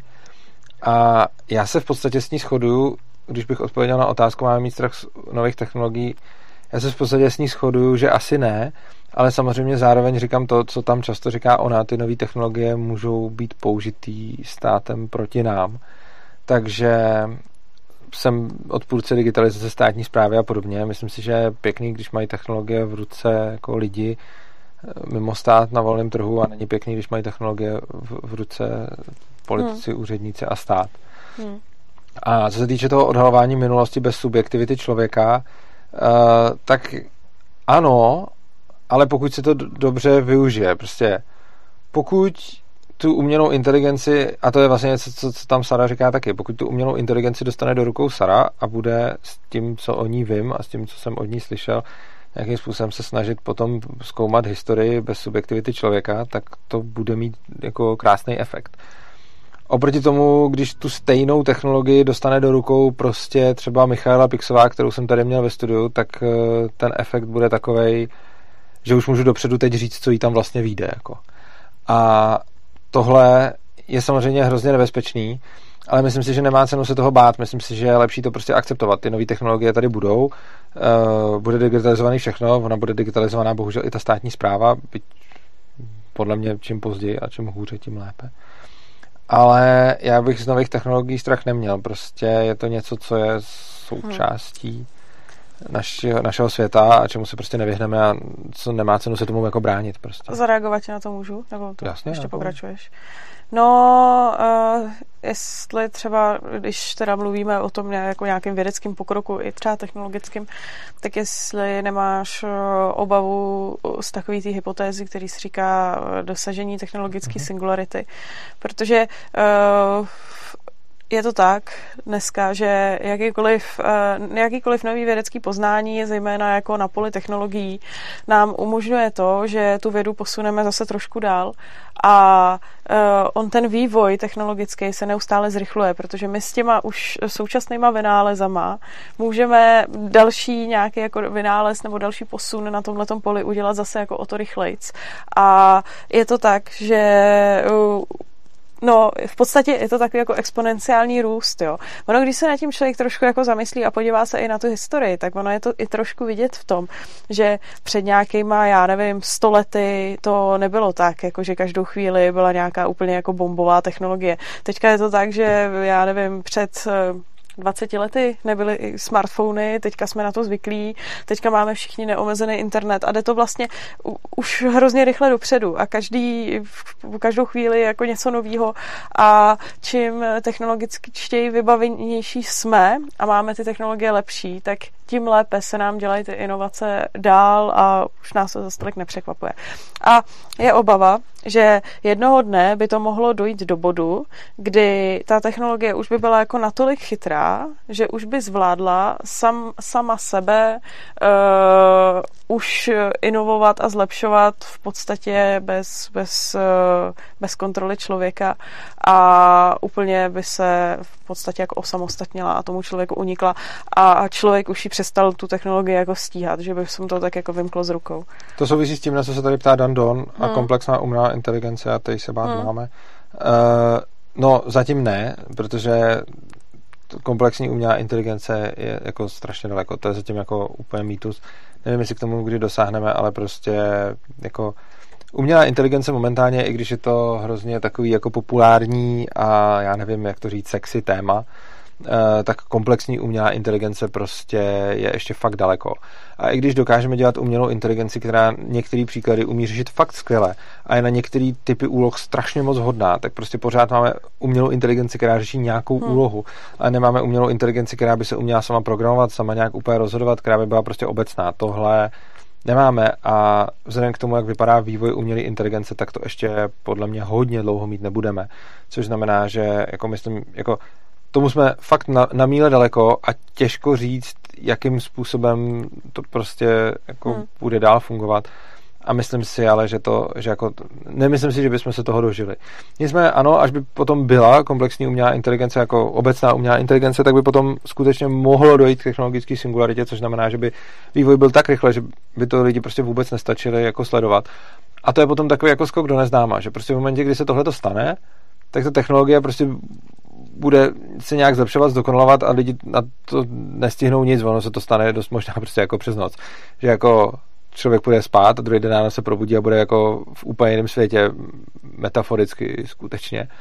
A potom hrozně záží na tom, jak bude zrovna naprogramovaná ta inteligence, která, který se to povede, přičemž si myslím, že stejně ten, kdo ji bude jako tvořit, tak nedohlídne tak daleko, aby věděl, co se, co se stane. Je to něco jako kdybyste šli spát a najednou byste nechali tu civilizaci tak, jak já, teď byste se měli zbudit někde prostě za tisíc let a vy vůbec nevíte, kam ta civilizace dopadne, jestli to prostě budou nějaký úplný hrdlozřezové, nebo jestli to bude nějaká, nějaký prostě ráj na zemi. A myslím si, že je to prostě něco, čeho jako bych se reálně, nebo jako bál, jako nebál bych se toho, prostě nějak to dopadne a pravděpodobně ty lidi teda, pokud se to nastane, tak jeden den půjdou spát a druhý den se buď neprobudí, anebo se probudí do nějakého úžasného světa, nebo do nějakého hrozně divného světa. Mně to přijde dost lákavý a spíš se mi ta představa jako líbí, uh, protože jsem na tyhle věci trochu uchyl. Ale hmm. samozřejmě to se může stát, že prostě nemyslím si, že ten člověk, který tu umělou inteligenci takhle stvoří, že potom bude schopný predikovat, co se stane po těch x iteracích vývoje, který poběží strašně rychle mimo jeho kontrolu. A umím si představit, že jako to bude prostě pade na pade dobrý blbý. Tak bude Matrix. A bude, jasně, můžeme se druhý den probudit prostě napojený Matrixu, může stát, hmm. může stát fakt cokoliv. Jako, a tohle je jaká, jaká reálná hrozba, ale podmínkou toho je právě ta, ta obecná umělá inteligence a e, to je něco, co to je něco, co zatím není a ještě, ještě, ještě dlouho, dlouho, dlouho nebude. Uh, protože jako ta umělá inteligence dělá fakt nějaký pokrok, dá se podle ní dělat hrozně moc věcí a hrozně moc úloh umí řešit a když se potom fakt podíváte na to, co, co to dělá, tak je to uh, je to vlastně hrozně jako elegantně řešená práce s nějakou statistikou, ale hrozně to není jako ono se to sice jmenuje umělá inteligence, protože je to jako hezký označení, ale ona to jako není umělá inteligence, nebo jako slovo umělá inteligence je strašně zavádějící pro toho, kdo tomu nerozumí a teoreticky za to si myslím, že kdybych nevěděl, co to je, tak by ve mně sousloví umělá inteligence vzbuzovalo dojem, že to je mnohem víc, než to ve skutečnosti je. Ono by se to mohlo teoreticky jmenovat nějak úplně jinak, ale to by se potom tak dobře neprodávalo. Ale v podstatě je to nějaký, řekněme, nový způsob programování, a který je prostě vhodný na řešení nějakých úloh. Hmm, hmm. Jaroslav Kohout říká, já osobně si teda nejsem jistý ani nějakou abnormální změnou klimatu. Podle mě je to jen takový měření, zatím věda krátká a silně podceňuje komplexitu problematiky. V podstatě souhlasím. Jako, nějaká změna klimatu tady je, určitě je to o nějaký stupně a to, to je jako naměřený. Spousta lidí říká, že to je problém a já věřím, že to může být problém, ale rozhodně z toho ještě nevidím, že to je problém a že to způsobuje člověk. Ono je fakt možný, že to prostě jde cyklicky a vzhledem k tomu, že pořádně měříme teplotu prostě 150 let, tak to je strašně krátce na to, aby jsme z toho dělali nějaký závěr, hmm. vzhledem k tomu, že tady můžou být cykly, které můžou být staletý prostě, nebo i tisíciletý, nebo i delší. A v těchto těch případech prostě jako nějakých 150 let měření teploty moc, moc jako neznamená. No. Pak jsem tady chtěl ještě zareagovat na to, že Vladimír Nadvorník píše praxeologické důkazy platí jen pro ideální lidi. Eh, to je zase moje oblíbená ekonomie, takže se vyjádřím. Není tomu tak. Praxeologie rozhodně nepočítá s nějakým homo economicus. To je právě to, co jako rakouští ekonomové hodně kritizovali. Míses to kritizoval. A praxeologie právě počítá s lidma, s takovými, jaký jsou a nějakým způsobem počítá s lidským jednáním takovým, jaký je, takže rozhodně praxeologie není Eh, jako jsou nějaký ekonomický směry, který právě pracují s nějakým homo economicus a prostě člověkem, který má nějaký vlastnosti, který reálný člověk nemá, ale praxologie se přesně ze všech se snaží počítat s lidma s takovými, jaký jsou. Hmm. A vy jste super, že máme 170 sledujících, i když konkurujeme hokej. No tak to je dobrý. Nebo teda hokej konkuruje nám, aby jsme se to tak řekli. Hmm. A ještě, já nevím, jestli se ještě hraje. Já teď vůbec nevím něco o hokej, jo, jako já ale takže nevím, třeba se to by, třeba, třeba se teď skončil hokej a všichni sem, sem přišli a máme jich teda 170. no. no.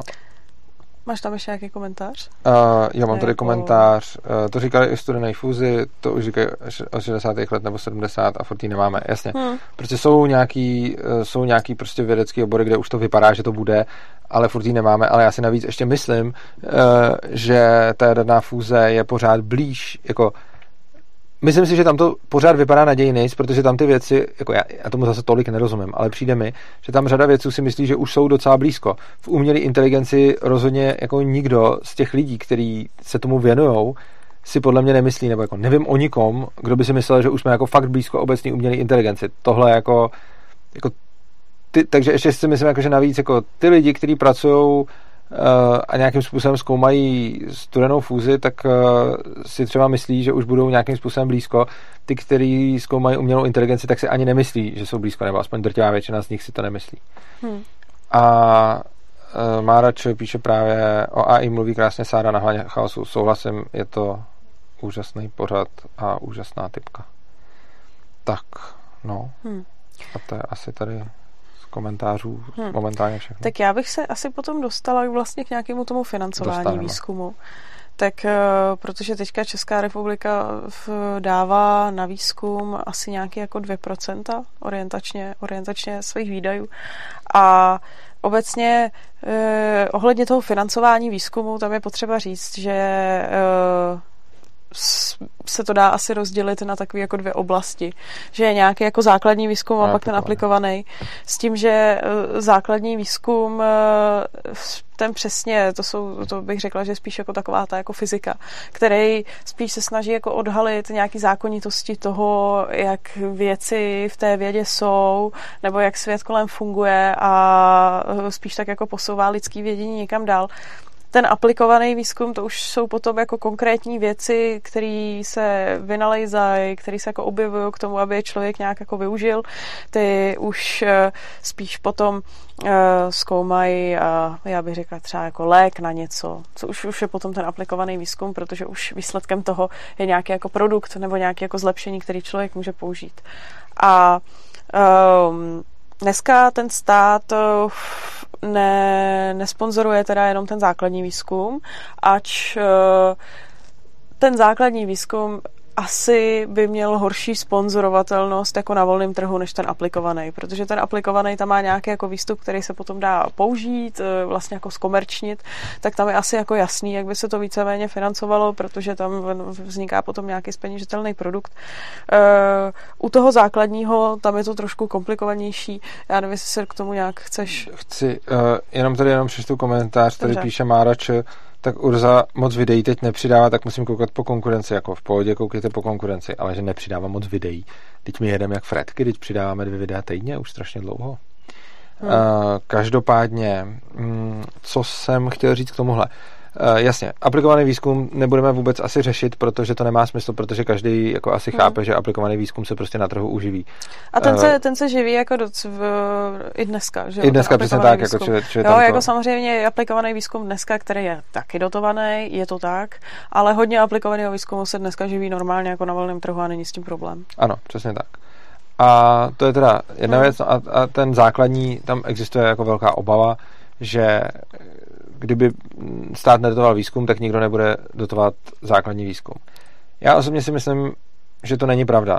Eh, dneska k tomu není úplně moc motivace právě protože už to dělá stát, což znamená, že když už to dělá stát, tak nemá zrovna dvakrát smysl, aby to dělal jako někdo, někdo jiný. Ale myslím si, jako dvě hlavní věci, z jakých důvodů se bude stále jako dotovat základní výzkum, nebo prostě někdo bude prostě sponzorovat. Jednak ten důvod, proč to lidi dělají, proč vůbec zkoumají, proč prostě jako začínali, co, co začínali vůbec jako něco takového zkoumat, eh, je to, že jsou prostě zvídaví. Je to jedna ze základních vlastností lidí. Lidi chtějí vidět, jak funguje svět kolem nich, jsou zvědaví chtějí přicházet věcem na kloup. A tohle je jeden, jedna ze základních lidských motivací. Je to náš obrovský evoluční dar, který nás odlišil od ostatních druhů, který v evoluci pravděpodobně uspěli mnohem hůř než my lidi, protože jsme zvídaví. Uh, pro mě je to v podstatě vášeň přicházet na nové věci a věřím, že takových lidí je strašně moc. A z toho důvodu věci zkoumají, ale on není žádný důvod si myslet, že mezi bohatýma lidma bude méně těch zvídavých, než me, mezi jako nějakýma jinýma lidma. Takže úplně stejně jako uh, spousta vědců to bude zkoumat prostě proto, že je to zajímá, tak spousta lidí to ze stejného důvodu bude chtít dotovat, protože jim to bude připadat smysluplný, protože budou chtít najít ty odpovědi, takže prostě jako to, to je jedna věc.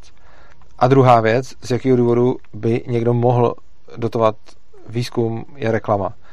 A jako jednak samozřejmě uh, to může být reklama jako firem, ale to si myslím, že bude spíš míň ten typický případ, že by se nějaká, ale jako taky to samozřejmě může být. A děje se to i teď, že prostě i teď se můžeme podívat na to, že existují nějaký jako soukromí komerční firmy, které dotují základní výzkum a který uh, to třeba někde zveřejní, no. protože si tím pak dělají tu reklamu, jakože jsou tak dobrý, že se, že se ještě dotují ten výzkum. Ale potom samozřejmě eh, si myslím, že kdyby bylo volnotržní školství, tak ty univerzity se budou v základním výzkumu v podstatě přehánět, protože jde o to tam mít co největší kapacity lidí, kteří nejsou od toho oboru odtržený, kteří se tomu oboru věnují a zároveň učej. Což znamená, že vlastně ty soukromí univerzity budou prokazovat svoji prestiž mimo jiné právě tím, právě tím základním výzkumem. Hmm. A ono ne, nechceš vlastně mít na své škole jako často lidi, kteří vlastně jenom učí, ale jsou úplně odtržený od toho oboru. Takže hodně často tam budeš mít lidi, kteří učí, ale zároveň to zkoumají. A prostě ta škola bude chtít, jako ta škola si získá prestiž tím, že bude jako publikovat eh, v prestižních vědeckých časopisech a podobně, což znamená, že to bude podle mě další, eh, další zdroj eh, jako financování hmm. základního výzkumu na volném trhu. No, uh, já bych ještě dodala k tomu, že vlastně uh, ono se tak jako předpokládá, že ten základní výzkum je nějak jako tím státem zadotovaný, ale on taky jako to není úplně pravda zcela, protože uh, pak je hromada projektů, který spadají do, do té oblasti toho základního výzkumu, který třeba žádný příspěvek od státu jako nedostanou, ať už prostě nedosáhnou na nějaký grant, nebo je to prostě komplikovaný, nebo no, prostě, prostě na ty státní peníze nedosáhnou, takže se potom e, dělají i různé jako akce, eh, sponzorské akce, nebo přesně se schánějí sponzoři i na některé oblasti toho základního výzkumu, takže ono to jako není tak, že celý základní výzkum by dneska sponzoroval stát, ale zase to jako nějaký úsek e, té vědy, přesně jak jsme se o tom bavili na začátku, která nějaký ty granty dostane. No a taky si trošku myslím, že uh, když by když by eh, z tohohle vypadl ten stát a tyhle ty granty, kde někdo jako na ně má trošku větší nárok než někdo jiný, tak by se to eh, asi trošku zefektivnilo i z toho ohledu, že mě třeba já teda jako nevidím v tomhle do, do moc jiných oborů, ale mně třeba trošku přijde, že někdy jako v té medicíně eh, je hodně té vědy taková jako věda pro vědu, protože strašně moc lidí se dělá jako PhD, ale ve skutečnosti zase tak moc tu vědu dělat nechce. Jo, a jasně. částečně si tím platí já nevím, to jsou takový různý jako špatné věci, které se dělají ohledně třeba jako vejplat, vejplat doktorů, takhle, že částečně prostě jsou placený ze svého PhD a nějak se to jako šolíchá. A, ale přijde mi, že, že přesně, že do té vědy kolikrát si tyhle ty vědecké tituly dělají lidi, kteří ale jako nechtějí se té vědě věnovat zas tak usilovně. Případně mají třeba i nějaký jako projekt, ke kterému nemají zas nějaký jako vztah a publikují já nevím, ve skupině osob něco, co teda jako se smolej, aby jako to PhD nakonec dostali.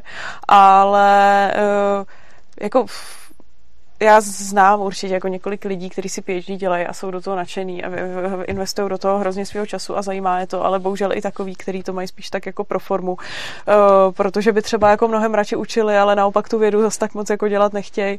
No, tak... Já než se teď pustím no. do, něčeho, do něčeho dalšího, tak bych ještě zmínil jednu věc a to, že nám se můžete volat. Teď je tady hodně lidí, já jsem to říkal na začátku, hmm. když tady bylo ještě málo lidí. Tady máme tento repráček, skrz který s náma můžete mluvit.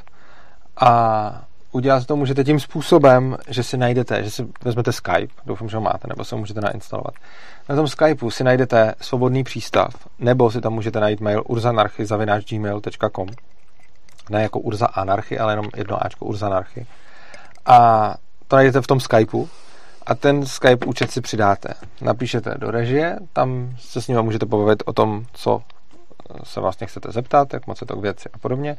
Režie nám dá potom signál a my až nějak domluvíme, tak uh, se s váma spojíme tím způsobem, že vám zavoláme. Nevolejte vy nám, protože vás stejně, protože vás stejně nespojíme, ale můžeme zavolat my vám, když nám napíšete. Budu moc rád, když to uděláte, protože jsem tady strašně dlouho instaloval ten refrag. A, hmm. No, a to ještě doufám, že bude fungovat, protože strašně dlouho nefungoval. A, a taky si s váma rádi povídáme, protože potom ten pořad není tak jednotvárný a pomáháte nám ho tvořit, takže si s náma můžete, můžete se s náma pokecat o vědě. A to, co jsem chtěl říct ohledně těch, ohledně těch příspěvků do vědy. Hmm, třeba v České republice se do vědy přispívá něco kolem 2% hmm. Eh, rozpočtu, což není zase tak moc a myslím si, že to vůbec není tak moc na to, aby se tohleto na volném trhu uh, nedalo, nedalo vytřískat taky. Jo. Prostě 2% jsou fakt, 2% jsou fakt jako mizivej, mizivej poměr. Eh, to si myslím, že by jako spousta lidí dala i víc. A spousta hmm. lidí by zase nedalo nic, ale myslím si, že by, že by to hmm. navíc, a to je podle mě jako hrozně důležité si uvědomit, není, jako to, z čeho se staví ty věci, nejsou procenta, ale jsou to, jako je to absolutní bohatství. A když budu mít společnost, která bude relativně chudá a bude dávat do výzkumu klidně i víc procent, tak uh, tam může dát v absolutních číslech méně než společnost, která bude relativně bohatá a dá tam méně procent. Takže i kdyby se stalo to, že by prostě společnost na volném trhu bohatla rychleji, což eh, předpokládáme, že tak určitě bude a, a máme k tomu spoustu videí, spoustu textů, spoustu podkladů, takže jako tohle to můžeme brát jako předpoklad a tady teď nebudeme řešit, to zase hmm. můžeme jindy, že prostě tím, že volnotržní společnost bude bohatnout rychleji, tak není potřeba, aby pro stejný, pro stejný výzkum tam investovala stejný poměr bohatství, ale bude jí stačit relativně míň o to, o co bude bohatší. Takže je klidně možný, že když ta společnost prostě, když to její bohatství poroste rychleji, tak ona do té vědy může dávat ještě méně než ty 2% a bude to stejně to, co je hmm. teď plus eh, to, co platí obecně u jakýkoliv sponsoringu, charity a všech takových věcí, tak kdyby vlastně uh, za prvý se od toho osekala nějaká ta byrokracie a za druhý, uh, kdyby se lidem nechali jejich peníze, které dneska jako posílají tomu státu ve formě nějakých jako daní, tak by taky měli víc těch peněz, že jo. Víc Česták píše, no. že 2% státního rozpočtu bude asi 1% HDP. Hmm. Uh, jo, a prostě jako 1% je fakt hmm. jako málo. A na tom, aby se to vyrovnalo na tom volném trhu, by stačilo ještě méně než 1%, protože ty lidi tam, ty lidi tam budou bohatší a ta ekonomika poroste rychleji. Hmm. Nalitika se mě ptá na otázku Urzo, mm, co si myslíš o sociálním darwinismu? Nevedlo by odstátnění vědy, zrušení grantů z veřejných zdrojů ke koncentraci vědeckých poznatků a technologií u bohatých a úspěšných na úkor chudších? Nalitiko, úplně si to nemyslím. Za prvý, ty, otázky jsou dvě. První, co si myslím o sociálním darwinismu. No, rozhodně nejsem sociální darwinista a nemyslím si, že anarchokapitalismus je sociální darwinismus v tom smyslu, ve kterém se sociální darwinismus často podává. Teda, že by se jako aktivně mělo dělat něco s tím, aby ve společnosti přežívali jenom ty nejsilnější. Možná by to mohl být něco jako pasivní sociální darwinismus, v tom smyslu, že jako člověk se musí postarat sám o sebe, ale obecně pod pojmem sociální darwinismus se daleko jako obecně, jak se ten pojem používá, tak to není ANCAP, protože sociální darwinismus je, jakože člověk aktivně jde a nějak třeba brání těm dle jeho klíče méně úspěšným v tom, aby se rozmnožovali a podobně, což s ANCAPem hmm. nemá nic společného. A jestli by nevedla koncentrace vědeckých poznatků uh, u bohatých na úkor chudších, upřímně řečeno nějakých možná ano, ale to se děje i dneska. Prostě určitě by spousta firm eh, vedlo nějaký svoje utajované výzkumy, což vedou i teď. Ale zejména pak u těch eh, univerzit, který si myslím, že by byly, že by byly jako tím centrem těch výzkumů, jak jsem říkal, že by vlastně si na tom dělali hmm. jméno, tím, že by vlastně dělali ten výzkum, tak tam by to bylo právě naopak. Oni, jako tam vždycky záleží, jaký jsou incentivy toho, toho podniku, takže spíš aplikovaný, jako poznatky aplikovaného výzkumu si dost možná budou nechávat ty firmy pro sebe, což je asi v pohodě a dělají to jako i dneska hmm. a na základě toho potom, na základě potom vydělávají, ten aplikovaný výzkum si prostě zafinancují pro to, aby na ně vydělali a pak to tajemství budou nějakým, nějakou dobu asi střežit. Oni ho stejně jako ostatní. Což ale neznamená, že produkty, které z toho tajemství vzejdou, zůstanou pak jenom bohaté, že jo? No samozřejmě, ty, ty, ty produkty no. potom budou sloužit všem a navíc hmm. těch produktů se pak dá reverzním engineeringem zjistit, jak, jak to bylo, jak to bylo prostě vyrobený. A to, to je jako jedna věc. A druhá věc je ten základní výzkum a ten si myslím, že by si nikdo jako pro sebe úplně nenechával, protože on na něm tak nějak úplně jako, ne, jako rovnou nezbohatne, ne? to je právě ten aplikovaný. Takže ten základní výzkum, který by se právě vyjel zejména v těch školách, na těch univerzitách, tak eh, tam by nebyla moc incentiva si ho nechávat pro sebe, spíš naopak. Oni hmm. by chtěli si udělat jméno právě, jako právě když si dělám reklamu tím, že investuju do základního výzkumu, tak to, co rovnou dělám, je, že všechny ty poznatky zveřejňuju. Ono to z toho i potom plyne. Já, já chci mít tu reklamu, ne, jako ona mi moc reklamy neudělá, kolik peněz jsem do toho dal, ale reklamy na co jsem přišel. Což znamená, že jak jsem právě mluvil o, o, o reklamě skrze základní výzkum, tak ta v podstatě zahrnuje to, že se výsledky toho základního výzkumu budou zveřejňovat. Hmm Uh, takže hmm. pravděpodobně zase, když to rozdělíme na základní hmm. a aplikovaný, tak aplikovaný si nějaký vědecký hmm. poznatky hmm. budou nechávat a základní. Hmm. Já bych u toho aplikovaného ještě právě zdůraznila zejména ty technologie, kde je obzvlášť uh, tam takový ten vývoj asi bych klidně možná řekla nejrychlejší. A tam je vždycky krásně vidět to, že když se přijde s nějakou jako novou skvělou technologií, tak za začátku je drahá a opravdu si můžou dovolit akorát ty bohatý. Ale ona postupně, za prvý ta technologie jako během jako pár let trošku už jako zestárne, už není úplně aktuální. Ale tím, jak uh, už je tady jako nějakou dobu, tak se i časem jako zlevní a tyhle ty technologické výdobytky se potom dostávají jako plošně i k těm jako chudým lidem a vlastně celá ta společnost bohatne. Protože dneska prostě chytrý telefon, nějaký jako smartphone se dá pořídit prostě za 4-5 tisíc a už to má opravdu jako každý. A e, strašně moc takových věcí, jako já nevím, ty jezdící, jezdící luxy nebo tohle, že to už je prostě věc, kterou si dneska může e, dovolit e, i, i rodina, která jako nemá nějaký závratný příjmy. No. Bohužel ten jezdící lux si může dovolit i naše rodina rodina. Nedobrý. Zó nemá rád, protože mu najížděl na nohu. Nejenom na nohu, když to rozhazuje věci, prostě je to hrozné. A, každopádně to, každopádně přesně tak, když nějaký eh, bohatý, jako je hrozně důležitý si uvědomit, jakým způsobem uh, vzniká bohatství ve společnosti. To je hmm. proces, který je, je hrozně důležitý znát. Přijde nějaká inovace a někdo ji aplikuje a následně začne něco prodávat. A tím se v té společnosti teda taky vytvoří nerovnost, protože on na tom zbohatne hodně a všichni ostatní lidi na tom zbohatnou trošku, ty jeho zákazníci. Takže třeba když někdo přijde, já nevím, z lednicí, tak všem prodá lednici a hmm. najednou všechny domácnosti mají lednici, na čem všechny bohat, domácnosti trošku zbohatly, protože teď si můžou líp skládat, a já teď nemyslím jako finančně, ale že si prostě můžou líp ukládat potraviny, takže mají, zvýšila se jejich kvalita života. A ten, kdo s tím přišel na tom, na tom zbohatnou hodně. Hmm. A přesně tohle je to, co se bude dít i s tou vědou. Prostě někdo něco vyskoumá, potom to začne jako prodávat a v první chvíli se na tom hodně napakuje, v druhou chvíli přijdou další firmy, které to začnou vyrábět taky, které to nějakým způsobem okopírují, buď nějakým reverzním engineeringem nebo prostě nějak a následně na tom, následně na tom vydělají všichni. Hmm. A není moc ničí jako asi zájem si nějaký velký množství vědy prostě jenom jako si pro sebe a nikomu ho nedat. Minimálně pomocí toho většinou se dají ty produkty do světa a pak se na to dá přijít, jak to bylo, jak to bylo sestavený. Hmm. No. Tady prosím tě, uh, tady jezdící Lux už dosáhl technologické singularity a teď cílí Ursu. ano, to se tady přesně u nás doma děje. Každopádně se tady uh, rozjíždí debata o SpaceX a o tom, že má nějaký peníze od, stát, od státu a že soukromá firma by nikdy nedokázala lítat do vesmíru a tak dále. K tomu bych rád jako taky něco řekl, k této debatě, jestli teda no. nechceš ty napřed. Ne, ne, ne, ne, povídej. Dobře.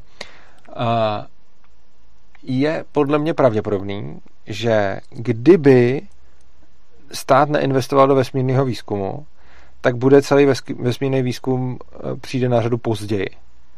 Ale podle mě to vůbec není špatně je potřeba si uvědomovat náklady obětované příležitosti. A je třeba si uvědomovat, že ne každý vědecký poznatek, ke kterému jsme došli, tak že kdyby jenom nebyl, že by místo toho nebylo nic. Jo? Lidi strašně často si řeknou, kdyby nebyla NASA a kdyby stát nevysílal prostě jako rakety do kosmu, tak by nebyly rakety v kosmu. No možná by tam v 70. letech nebyly, ale možná taky přínos, který z toho byl, byl mnohem menší, než kolik zdrojů to stálo. Já neříkám, že jo nebo ne, protože tyhle věci jsou subjektivní, jako jaký z toho má kdo přínos. Ale ta podstata je, že je teoreticky možný, že jsme ten výzkum začali hrnout strašně rychle a začali jsme lítat do kosmu ještě ve chvíli, kdy jsme technologicky nebyli natolik daleko, aby se to dalo udělat za rozumný peníze. A je teoreticky možný, že kdyby jsme začali lítat do kosmu o 50 let později a předtím by se za, za ty zdroje řešily jiné věci tady na Zemi,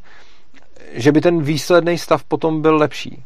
Protože ono prostě není pravda a je, je potřeba si uvědomit, že, že to prostě není takovým způsobem, jako že je raketa v kosmu, tak je to lepší, než když není raketa v kosmu. Tohle prostě hmm. neplatí. Hmm. Protože jedna věc je, že je raketa v kosmu a druhá věc je náklady obětované příležitosti. Když by ta raketa nebyla v kosmu, tak tady máme spoustu zdrojů, se kterými se může udělat něco jiného. Já nevím co, může se vymyslet lék na rakovinu, může se, já nevím, zkoumat něco jiného, může se zkoumat něco podzemí, může se vymyslet prostě, já nevím, dokonalejší auto, může se vymyslet ta jaderná fúze, já nevím co. Každopádně ta poenta je, že je klidně možný, a já neříkám, že by to tak bylo, jenom prostě je možný, že kdyby společnost neinvestovala zdroje na cesty do kosmu, tak možná teď třeba bychom mohli mít tu studenou fúzi. Jo? Já neříkám, že to takhle je. Nevím. Jenom prostě je důležité si uvědomit, že ne vždycky urychlení toho konkrétního vědeckého výzkumu je prostě dobrý a správný a že prostě jsou nějaké věci, které se dají dělat líp v jednom pořadí anebo v druhém pořadí. A prostě ty hmm. věci, zejména ve vědě, na sobě hodně závisí. Hmm. Takže prostě rozhodně třeba, když chceme lítat do kosmu, tak je hrozně důležitý, jak výkonný počítače v té době máme. Jo? A prostě, když začneme lítat do kosmu v době, kdy prostě si to musíme počítat všechno v ruce, což teda nebyl úplně ten případ, oni si to nepočítají všechno v ruce, tam už počítače jako samozřejmě měli, ale taky ne moc výkonný, tak to bude stát úplně jiný počet zdrojů, než když začneme lítat do kosmu v momentě, kdy máme počítače, které nám můžou strašně moc věcí hmm. prostě spočítat. A je fakt důležitý si uvědomit, že není nikde psáno, že lítat do kosmu před 50 lety bylo dobrý že jako, mně to přijde třeba skvělý, protože mi to přijde jako hrozně super, jako lítání, jako vesmírné lety, mi se to prostě líbí. Ale to je no. nějaký prostě subjektivní názor. No, ale... To jako jsou lidi, kteří v tom ne, Jsou lidi, kteří nespotřebují nic a nic jim to protože řeknou, no, tak někdo byl na měsíci, je to úplně jedno, no. Přesně. Jo, někdo řekne, nikdo tam nebyl. Mně, přijde, to přijde samozřejmě fascinující a přijde mi to hrozně cool, hmm. ale to je trošičku málo na to, abych rozhodl na základě toho, že no, jasně, to bylo určitě. jako přínosný. Protože je teoreticky možný, že kdyby se ta historie odehrávala jinak a kdyby byla třeba volnotržní, tak je velice pravděpodobné, že před 50 lety žádná firma uh, neposlala nic, hmm. jako neposlala nic do vesmíru. A, nebo jako lidi minimálně. Možná by se tam pak poslali nějaký umělý, nevím, nevím. Uh, určitě by jako dobývání kosmu bylo výrazně pomalejší nebejt státu. Na druhou stranu by to neznamenalo, že ty zdroje by neexistovaly, ale místo toho by byly vloženy někam jinam. My hmm. nevíme kam. Ale je možný, že by byly vložený třeba do vývoje počítačů. V důsledku, to, jako říkám hypotézu, ale jako samozřejmě, jako já neříkám, že takhle by to bylo, jenom říkám jeden scénář, ale ono jich je samozřejmě tisíc různých jiných. Že by tyhle ty zdroje byly eh, vloženy do vývoje počítačů. Počítače by už byly dávno dál, protože se tam vložilo prostě méně těch zdrojů, takže prostě kdyby se už hmm. tam dřív začalo vkládat tolik zdrojů, což by soukromé firmy mohly udělat mnohem pravděpodobněji, než že by posílali jako rakety do kosmu. Takže by třeba investovali do vývoje počítačů. Mohli bychom už s počítačema teď být mnohem dál, než jsme v současnosti, což by mohlo přinést další věci, které ani nevíme, protože tam už to nejsou známí, neznámí, ale už jsou to neznámí, neznámí. A v důsledku toho by potom mohlo, mohla přijít doba, že bychom třeba do toho kosmu přiletěli stejně později, ale bylo, stálo by to mnohem méně zdrojů. A potom by přišla nějaká další doba, ve které bychom třeba v kosmickém výzkumu byli ještě dál, díky tomu, že by v jiném výzkumu jsme postoupili dál. Což znamená, že je pravda, že bez státu bychom určitě, nebo, nebo určitě prostě ze vší pravděpodobností bychom bez státní podpory nelítali hmm. před 50 lety do kosmu. To si myslím, že fakt ne. Hmm. Na druhou stranu nevím, jestli to za to stálo, protože nevím, v jakém stavu by ten výzkum byl hmm, teď konc hmm. a nevím, v kterém by byl za 50 let. Ono je teoreticky možný, že kdyby ten výzkum ne, neprobíhal stylem napřed lety do kosmu, potom masivní vývoj jako fakt rychlých počítačů a pak nevím, ale, lítal, ale probíhal by stylem napřed masivní vývoj rychlých počítačů, potom na rychlých počítačích zároveň lety do kosmu a další vývoj těch počítačů a potom by třeba mohlo dojít k tomu, že už by i ten kosmický výzkum byl dál a že bychom třeba už teď mohli být na Marsu. Já nevím. Hmm. Ale je to jako jedna z možností. No, mně to trošku přijde takový to, jak, takový to, když se vlastně podíváme na to, že vždycky se věda hrozně rychle posouvala dopředu, když byl nějaký jako válečný stav, že jo. Tak jako bylo hezký, že se to dělo, že jo, ale taky jako za jakou cenu. Protože prostě ty lidi byli v nějakých jako obavách pod tlakem, vyvíjeli se na to přesně nějaké jako zdroje, které jako mohly být někde úplně jinde a to je jako podobný princip, no. Ano, to je, to je docela důležité, tady někdo o té válce psal. Jo, je, no. super, tak o válce se bude, nezapomeneš na válku, můžeš si ji zapom- zapamatovat. Dobře. O válce bych chtěl mluvit, ale konečně se děje ta věc, že nám někdo volá. Takže já tady nastartuju repráček, počkáme, až se ten repráček napojí a potom poprosíme naší režii, ano, repráček je napojený, takže poprosíme režii, aby vytočila toho člověka, který mu voláme. No to je zvoní, to jsem myslel, to mi nezvonilo odpoledne, to mi myslel zprovoznit.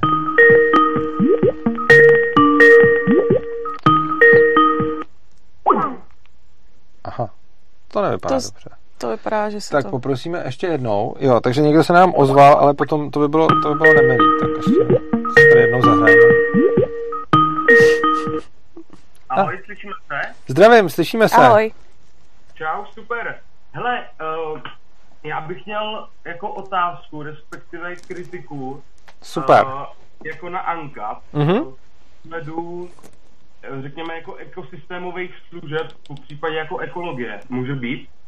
No, sice se to netýká úplně tématu, ale jsem rád, že jste zavolal, takže si o tom můžeme na chvilku pokecat. No, hele, já si totiž myslím, že ono se to vlastně týká všech těch jakoby třech odvětví, na který, uh, na který vlastně je ta vaše dnešní přednáška, jo. Hmm. Ale tak já zkusím, já zkusím být stručný. Jo, tak pojdej. Jo, jestli můžu. Hmm. Hele, tak uh, jako ona ta kritika má několik úrovní, ale tak já budu fakt rychlej a začnu úplně od toho hmm. začátku, jo.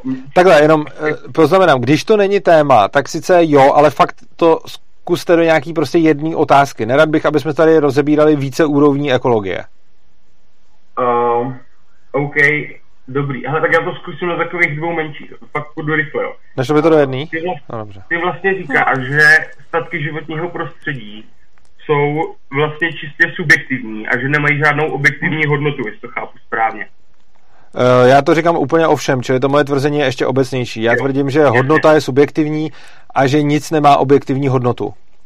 Jasně. Tak uh, já teď vyjdu z takových dvou uh, z, takových, z takových dvou tvrzení, jo. A podle mě totiž jako trh a celá společnost, o který ty vlastně mluvíš, tak neexistuje vlastně v nějakém váku, ale je podmnožinou určitýho jako systému, respektive ekosystému. Takže to je podle mě jako jedno takový tvrzení, který ty podle mě dost, vůbec jakoby nebereš potaz. Že, že jsme prostě všechno to, o čem mluvíš, ten trh a ta společnost je součástí nějakého ekosystému, podmnožinou respektive. A že pro zachování jako trvání toho systému, toho ekosystému je nutná určitá úroveň jakoby vnitřní rovnováhy. Co, což v podstatě znamená, že jako úplně uh, laicky, to znamená, že proto, abychom přežili, tak potřebujeme nějakou úroveň jakoby uh, statků životního prostředí. S tím souhlasím, ne, nerozporuju to a i z toho vycházím a zatím všechno to, co říkáte, jako nerozporuju. Jasně, a proto, bych, proto si myslím ale, že jakoby statky životního prostředí jsou teda nutně do určitých uh, jako do určitý úrovně objektivní. Ne, tak tady nesouhlasím. Uh, I hodnota lidského života je čistě subjektivní, což znamená, že celý to přežití, hodnota toho přežití je subjektivní, což znamená, že i hodnota těch statků k němu potřebná je subjektivní. OK, aha, dobrý, to je zajímavá odpověď. A teď, tak teda teď řeknu tu hlavní, podle mě, kritiku. Eh, ty podle mě vůbec jakoby nezohledňuješ v ANCAPu uh, ekosystémové služby, což je prostě vlastně něco, co, co nezohledňuje i teď jakoby současná ekonomie, ale, nebo ten současný systém, ale aspoň je to nějak jako regulovaný, ale ty vlastně v podstatě vůbec třeba ne, neoperuješ s tím, že, uh, že například třeba ty statky životního prostředí, jako jsou třeba lesy, takže mají nějakou uh, nějakou jakoby ještě hodnotu, která tam vlastně není vidět a to jsou ty ekosystémové služby. Oni jsou vlastně tak jakoby ekonomicky nevi, neviditelný, jo, protože teď třeba co se stane, když ty máš les, tak tvoje příjmy jdou v podstatě jenom z prodeje dřeva. Ale ten les má ještě daleko jako kdyby zásadnější, uh, zásadnější nějakou funkci, jako je třeba prostě protierozní a vodohospodářská a uh, prostě opílení včel a tak. A těch funkcí je prostě strašně moc. A to jsou prostě nějaké funkce, které se na trh nedostanou. Dostanou. A já vím, že jako, si, to, si to každý jakoby může zhodnotit, jestli mu to za to stojí to zaplatit nebo ne. Ale tam je strašný problém v tom, že ty uh, prostě ekosystémové služby jsou vzdá, vzdálený jakoby čase a v místě, takže ty prostě... Není pravda, že se na trh nedostanou, jenom, jenom se dostanou na trh v nějakém třeba delším horizontu, ale rozhodně to neznamená, že se na trh nedostanou. Uh, prostě to, že někde je problém jako s erozí, je samozřejmě něco, co ovlivní tržní prostředí a co ovlivní hodnotu těch pozemků tam. Takže hmm. není no, pravda, že se to... že se to ale, ale já jsem vás taky nechal mluvit. Nebo ne? Promiň? Ne, ne, nic, já jsem, nebo jako, já chci odpovídat na tu otázku teď konc, nebo ona ještě pokračuje? Nebo... Jo, já jsem jenom, zrovna ta eroze je zrovna ta, jakoby, ekosystémová služba, která je vzdálená jakoby zrovna v tom čase, jo, protože ty, když vytěžíš les a vytěžíš 5 hektarů a nic tam nenecháš, tak vůbec nikdo si nevšimne, že jako se ta služba jakoby ubrala a že zmizela. No ale vy jste si toho zjevně všim, takže asi nebudete jediný, že jo? No, no, jakože vy když, to, vy, když vykácíte prvních 5 hektarů, tak se nic nestane, dalších 5 hektarů, zase se nic nestane. Ale až stej, stej člověk vykácí eh, jakoby 5 hektarů lesa, tak najednou se celý ten svah jakoby sesune.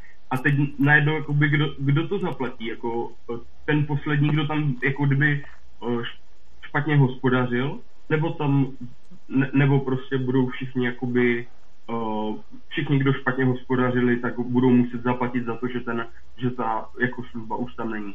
A jakoby kdo třeba zaplatí prostě uh, někomu na druhý půlce, nebo prostě to je možná, jako to možná přeháním, ale ono prostě třeba to ovlivňuje oblačnost, jo, takže ono to třeba ovlivní oblačnost 500 kilometrů daleko.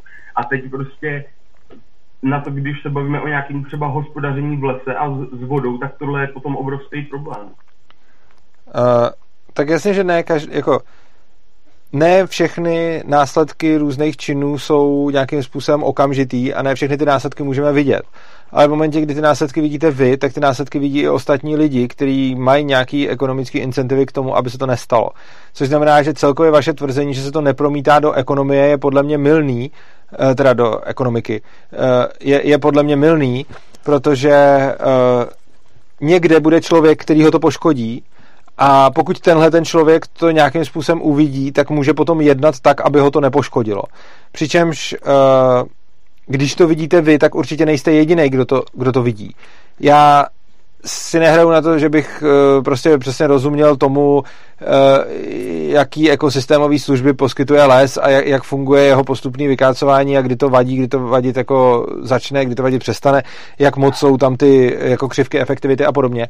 Ale ta poenta je, že ten, komu to vadí a komu vadí, že se ten, vztah ten svah sesune, to velice pravděpodobně bude vědět, už protože to bude nějakým způsobem asi zasahovat do jeho, do jeho třeba profese a podobně.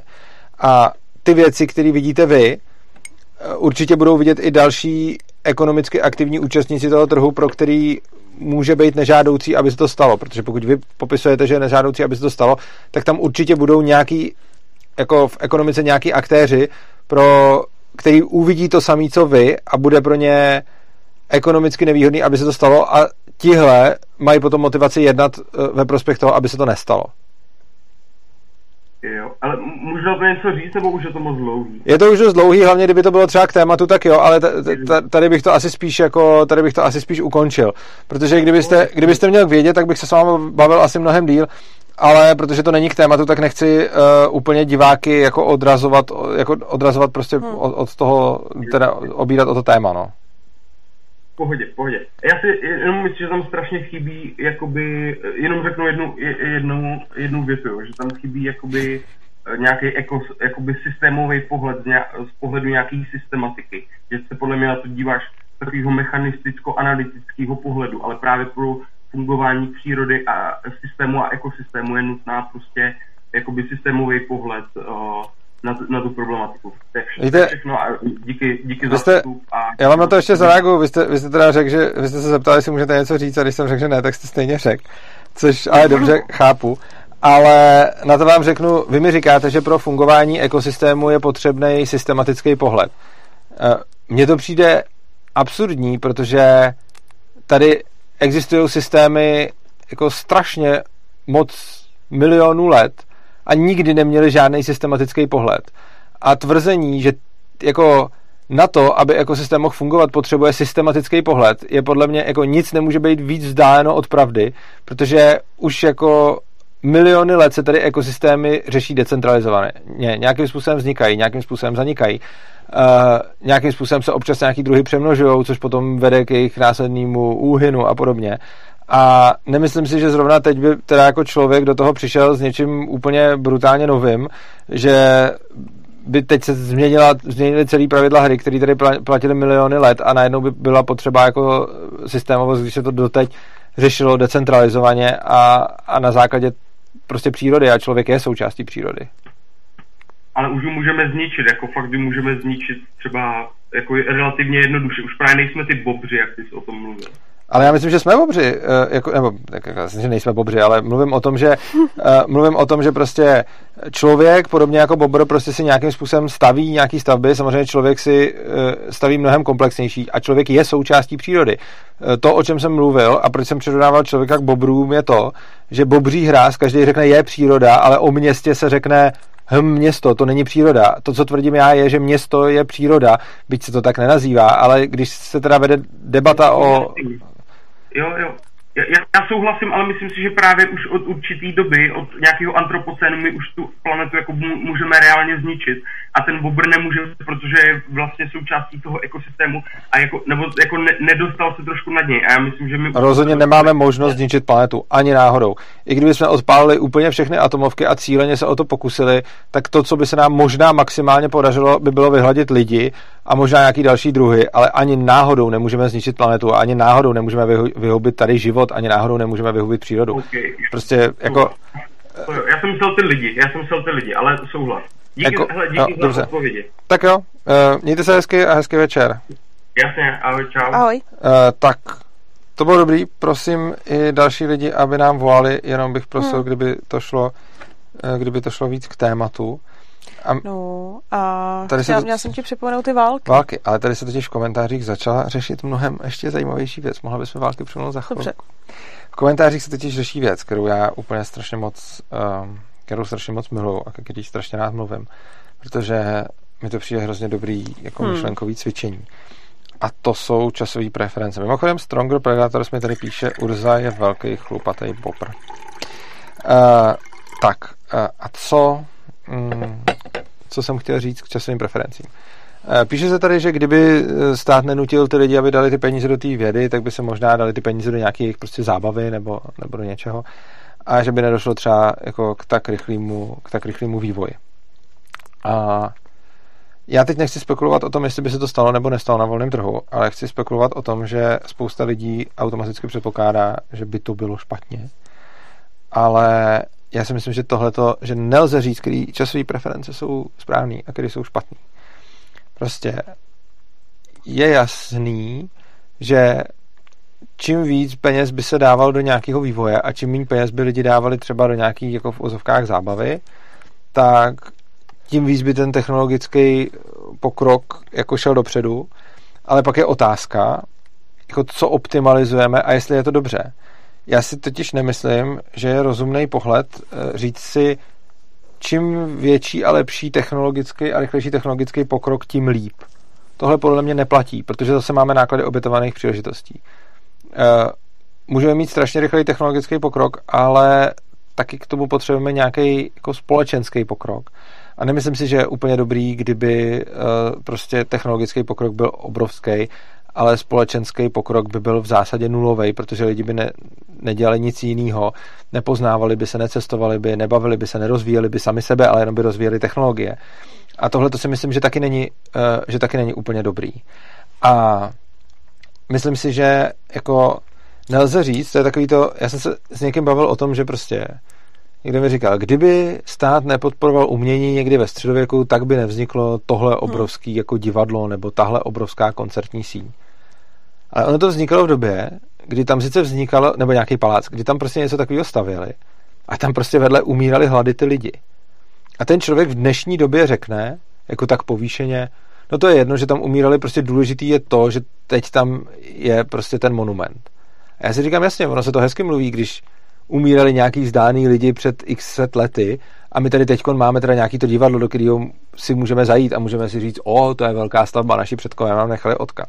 A docela mě zajímalo, jak by se ten člověk tvářil, kdyby tam on a jeho děti teď museli umírat proto, aby stavili jakýsi monument proto, aby za 200 let tam jiní lidi přišli a řekli by, o, jaký je tohleto nádherný odkaz. A tohle je samozřejmě extrémní případ, ale já ten extrémní případ uvádím i proto, že se to týká té vědy. Prostě ono je hezký říct, jako kdyby se lidi jako v 50. letech méně bavili a víc by zkoumali, tak bychom teď na tom byli, jako, tak bychom měli jako větší technologický pokrok. A je to teoreticky možný. Na druhou stranu, jako kdo se bude dneska chtít přestat bavit a kdo se bude dneska chtít přestat žít a přestat se rozvíjet a přestat, prostě kdo obětuje svoje sociální vazby a svoje prostě poznávání světa netechnologický a kdo obětuje prostě cestování a všechno proto, aby nějaký x generace po nás měli prostě rozvinutější vědu není pravda, že je žádoucí stav, že čím víc se plánuje dopředu a v čím větším eh, časovém horizontu se uvažuje, tím líp. Uh, tohle je tohle je prostě jako obrovský mýtus. Strašně často lidi předpokládají, že nízká časová preference a přemýšlení ve větším horizontu je něco jako lepšího a vysoká časová preference je něco horšího. Ale časová preference prostě není dobrá a špatná. Časová preference je jako čistě subjektivní a jestli se my teď chceme radši spíš bavit, anebo spíš investovat do budoucích generací, ani jedno z těch rozhodnutí není dobrý, ani jedno z těch rozhodnutí není špatný a nelze posoudit, co z toho je lepší. Není pravda, že prostě rychlejší vývoj za každou cenu je dobrý. Nemusí být. Jednak proto, že je to fakt subjektivní a že i kdyby jsme brali, že ten technologický vývoj bude vždycky jenom dobrý a že prostě lepší technologie, pokročilejší technologie znamenají prostě vždycky, že jsou pro tu společnost lep, lepší, k čemu se nakonec dostanou, že to nemusí vždycky nutně platit. I kdybychom tohle brali, tak prostě je potřeba, aby se někde tomu obětovali zdroje a nikdo než ty lidi samotný nemůžou určit, jestli je nebo není správný tomu ty zdroje obětovat, protože není žádná generace a žádná, žádný prostě jako žádná epocha lidstva, ve který by se dalo říct, tak teď se moc utrácí na zábavu a málo se zkoumá, protože každý člověk by měl dělat to, co on považuje, to, co on považuje za správný. A pokud prostě to znamená nějaký, nějaký tempo vývoje a nějaký tempo zábavy, tak ať a nikdo nemůže prostě přijít a tvrdit, že tohleto tempo vývoje a zábavy je prostě špatně, protože jako pokud by teda tvrdil, že v nějaký době se teda, že, že bylo dobře, že se víc zkoumalo a méně se ty lidi bavili, no tak by teoreticky mohl teda říct, že v dnešní době moc cestujeme, moc se bavíme, moc se vzděláváme sami a měli bychom víc investovat do těch technologií. A ta druhá tvář toho je, že myslím si, že technologický rozvoj by měl jít nějakým způsobem ruku v ruce s rozvojem kulturním a rozvojem té společnosti a že pokud technologie příliš předběhnou ty lidi, tak to taky nemusí být vždycky dobře. A to není nějaké jako strašení před technologiemi. Já jsem jako dost technokrat a dost jako fanoušek technologií a jsem v tomhle tom jako ještě trochu tak jako uchyl. Ale myslím si, že není vždycky dobře, když jsou technologie co nejvíc napřed, protože jde o to, aby se lidi sami sebe poznávali aby byli nějakým způsobem se sebou v souladu a potom s tím se potom pojí i jako ta větší zodpovědnost, která pak pramení z větších technologických možností. Ono jako není podle mě náhoda, ono to jde jako taky ruku v ruce, ale otázka je, kdyby prostě Čingis Khan měl jaderný zbraně, nebo nějaký jako tyhle magoři, který jako hmm. se, ne, nebo Hitler, prostě kdyby tyhle lidi měli jako jaderné zbraně, jestli by nadělali víc škody než užitku a jestli prostě není zapotřebí prožít si nějaký epochy, kde se ty lidi jako řežou a kde jsou, kde se chovají fakt jak zvířata, aby se z toho ty další lidi mohli poučit a tyhle lidi třeba dokážou s tou technologií zacházet jako líp. Tam se někdo dřív ptal, mm, se někdo dřív ptal na to, jestli mám rád sci-fi, já miluji sci-fi a teď, a nebudu tady o tom jako povídat, když sci-fi jako literatura, tak bych doporučil, a mě to připomnělo jako uh, Star Trek, který, když je jako v zásadě socialistické, mám ho, mám ho jako rád, uh, protože tam, je, tam platí něco jako základní směrnice a ta, ta vlastně říká, a je to jako docela promyšlený, že ty vyspělé civilizace nedávají jen tak technologie těm úplně nevyspělým. A v podstatě tam existuje předpoklad a ten předpoklad, jako byť je to ze seriálu, tak je to podle mě celkem správný předpoklad, že když by jsme prostě přišli k nějaký jako fakt jako kulturně nevyspělý civilizaci a narvali bychom jí atomové zbraně, tak uh, ona je napřed jako odpálí, protože si umím představit, že prostě spousta středověkých vládců by prostě odpálila jako atomovku, kdyby mohla. A z tohohle toho pohledu je podle mě dobrý, že tu atomovku mají až ty lidi, kteří třeba, i když jsou to taky magoři, jako prostě Putin, Trump a podobně, nebo Biden, tak, eh, tak eh, jsou prostě přece jenom už o něco dál. Takže ono zase, a myslím si, že o něco dál se lidi dostanou právě tím, že se můžou bavit, tím, že můžou cestovat, tím, že můžou dělat ty věci, které tady byly kritizované, jakože kdyby se ty lidi furt jenom bavili, hmm. uh, tak, by, tak by prostě byl ten výzkum víc pozadu. Ale to, co na to říkám, je, neexistuje žádný ideální poměr výzkumu a zábavy a neexistuje jako žádný správně v tomhle, jako takhle tolik by se měli lidi bavit a tolik by měli zkoumat. Prostě tyhle dvě věci musí jít ruku v ruce, protože to, že se lidi baví, to, že získávají poznání, to, že cestují, to, že se poznávají, zároveň vede k nějakému jejich, jako, řekněme, intelektuálnímu nebo spirituálnímu, taky duchovnímu i duševnímu růstu a tenhle ten růst podle mě je strašně důležitý k tomu, aby ty lidi potom mohli zodpovědně zacházet s vyspělými technologiemi. Hmm, hmm, jo, jo, to máš pravdu, no. Ty války jsem ti měla připomenout. Jo, a nechceš něco říct? No, no, tak jako já už mám připravený další téma, že jo? Jo, tak já ještě řeknu války a pak se, pak se dostaneme na další téma. Hmm. Eh, války je pravda, a to, to vlastně souvisí s tím, co jsem říkal teď. Je pravda, že ve válkách někde prostě jde dopředu vývoj, protože prostě se do něj najednou, eh, najednou se do něj napře jako najednou se do něj napřou zdroje ale trpí to vlastně tím samým, o čem jsem teď mluvil, jenom je to extrémnější případ. A je to vlastně dík, že jsme teď zrovna připomněli, protože v tě, ty války, jenom to, co jsem teď říkal, ukážou jako ad absurdum.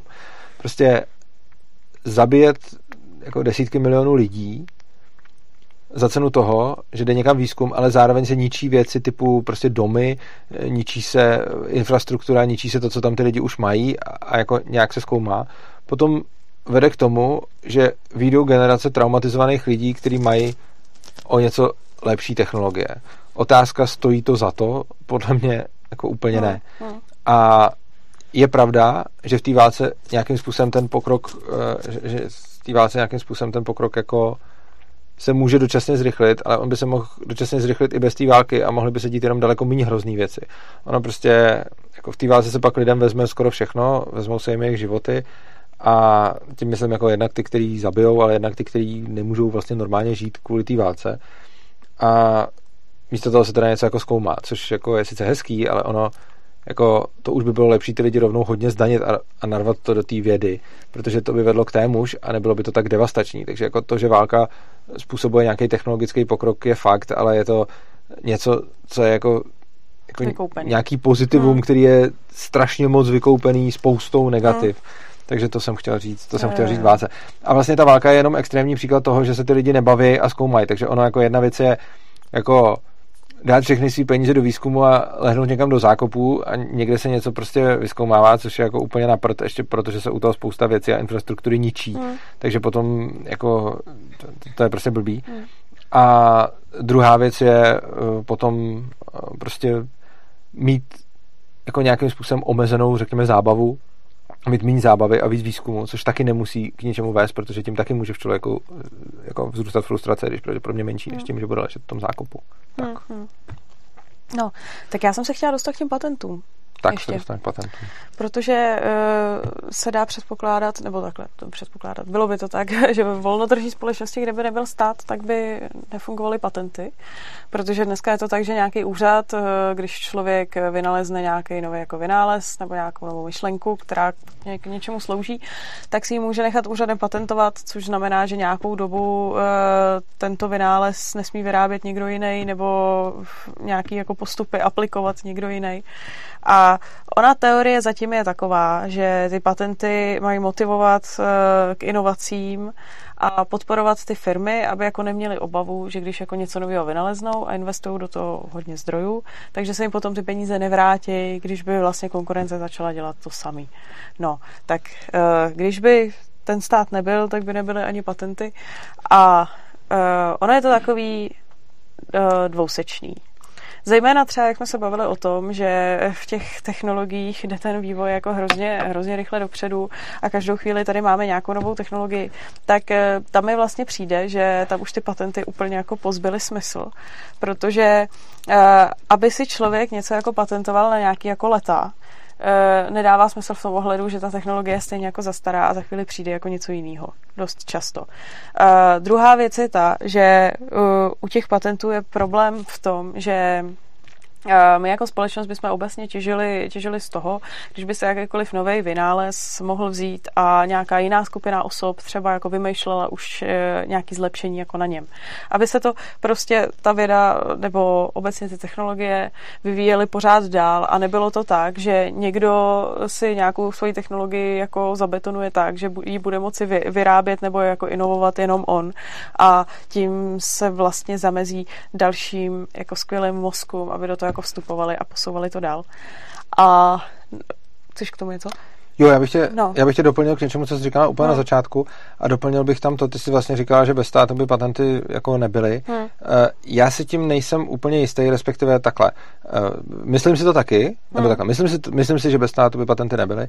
Na druhou stranu jsem chtěl jenom poznamenat, že existují anarchokapitalisti, kteří si myslí, že duševní vlastnictví a patenty by měly být součástí vlastnictví a že by teda i soukromí soudy takto rozhodovaly. Já si myslím, že ne. Hmm. Jako mám spoustu důvodů, jenom jsem chtěl jakoby označit, abych tady úplně nedával ale jako, že, že jako obecně anarchokapitalisti říkají, že bez státu by nebyly patenty, protože existují nějací anarchokapitalisté, byť jich je menšina, hmm. který tvrdí, že by, eh, který tvrdí, že by patenty byly i na... Hmm. Který to jsem tvrdí, že by patenty byly na volném trhu.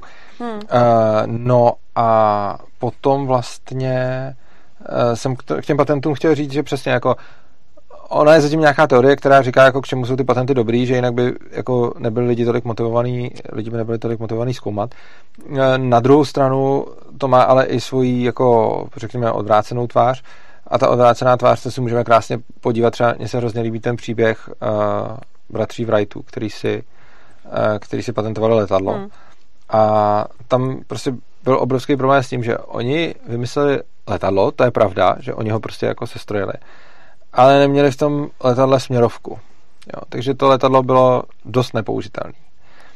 A následně přicházel nějaký jiný konstruktor, jehož jméno jsem zapomněl, eh, který přišel s tím, že chce dát do letadla směrovku.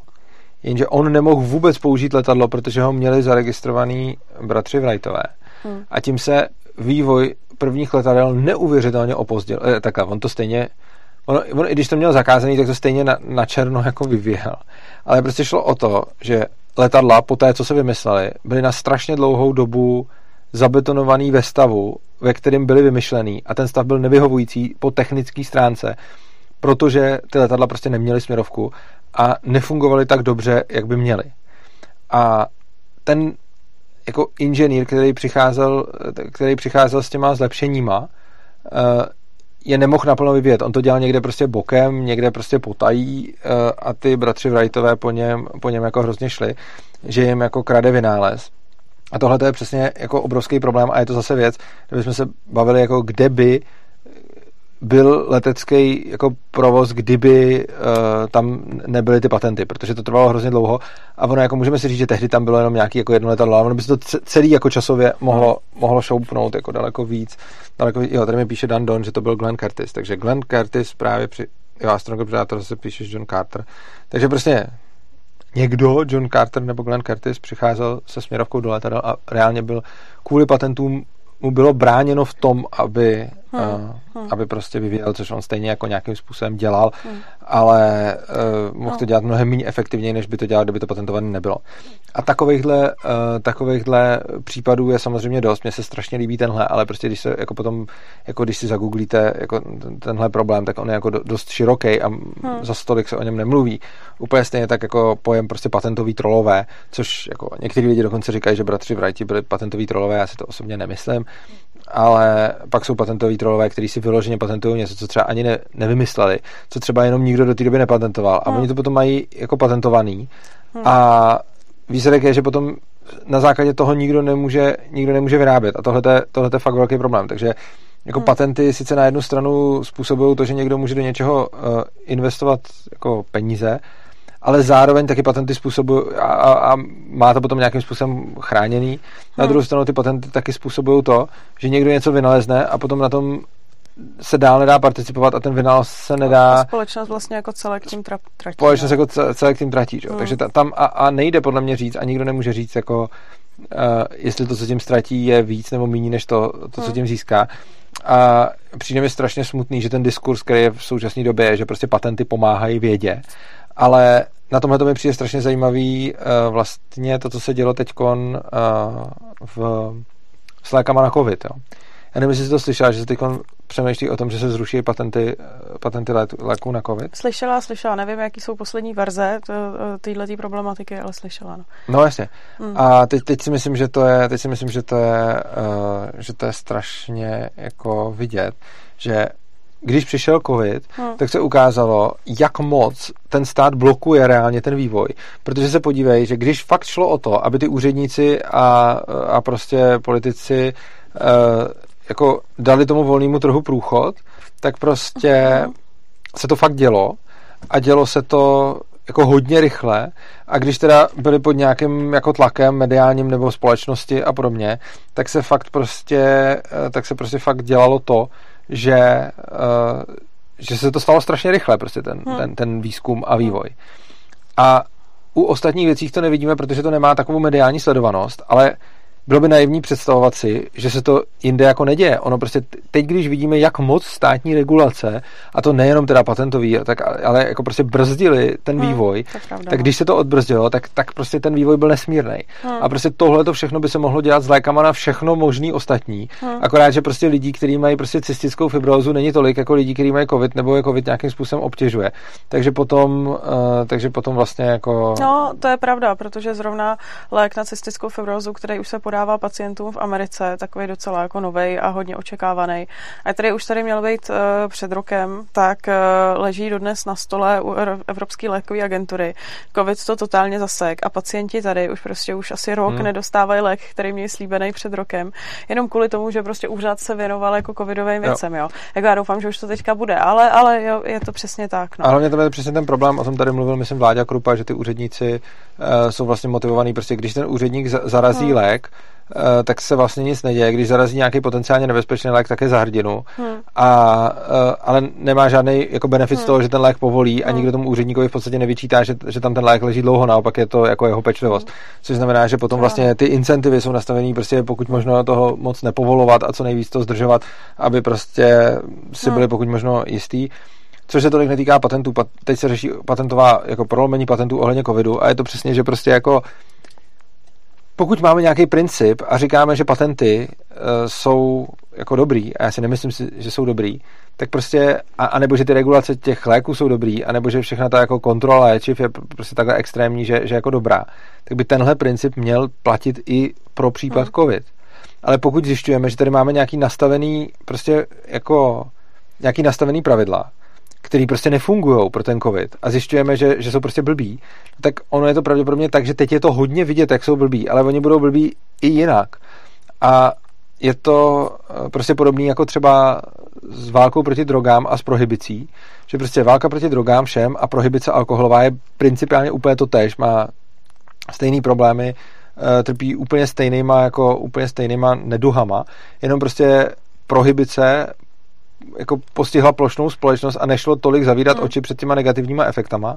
Zatímco válka proti drogám má úplně stejný negativní efekty jako prohibice jenom na menší hmm. skupinu lidí, kterou navíc nikdo nemá rád.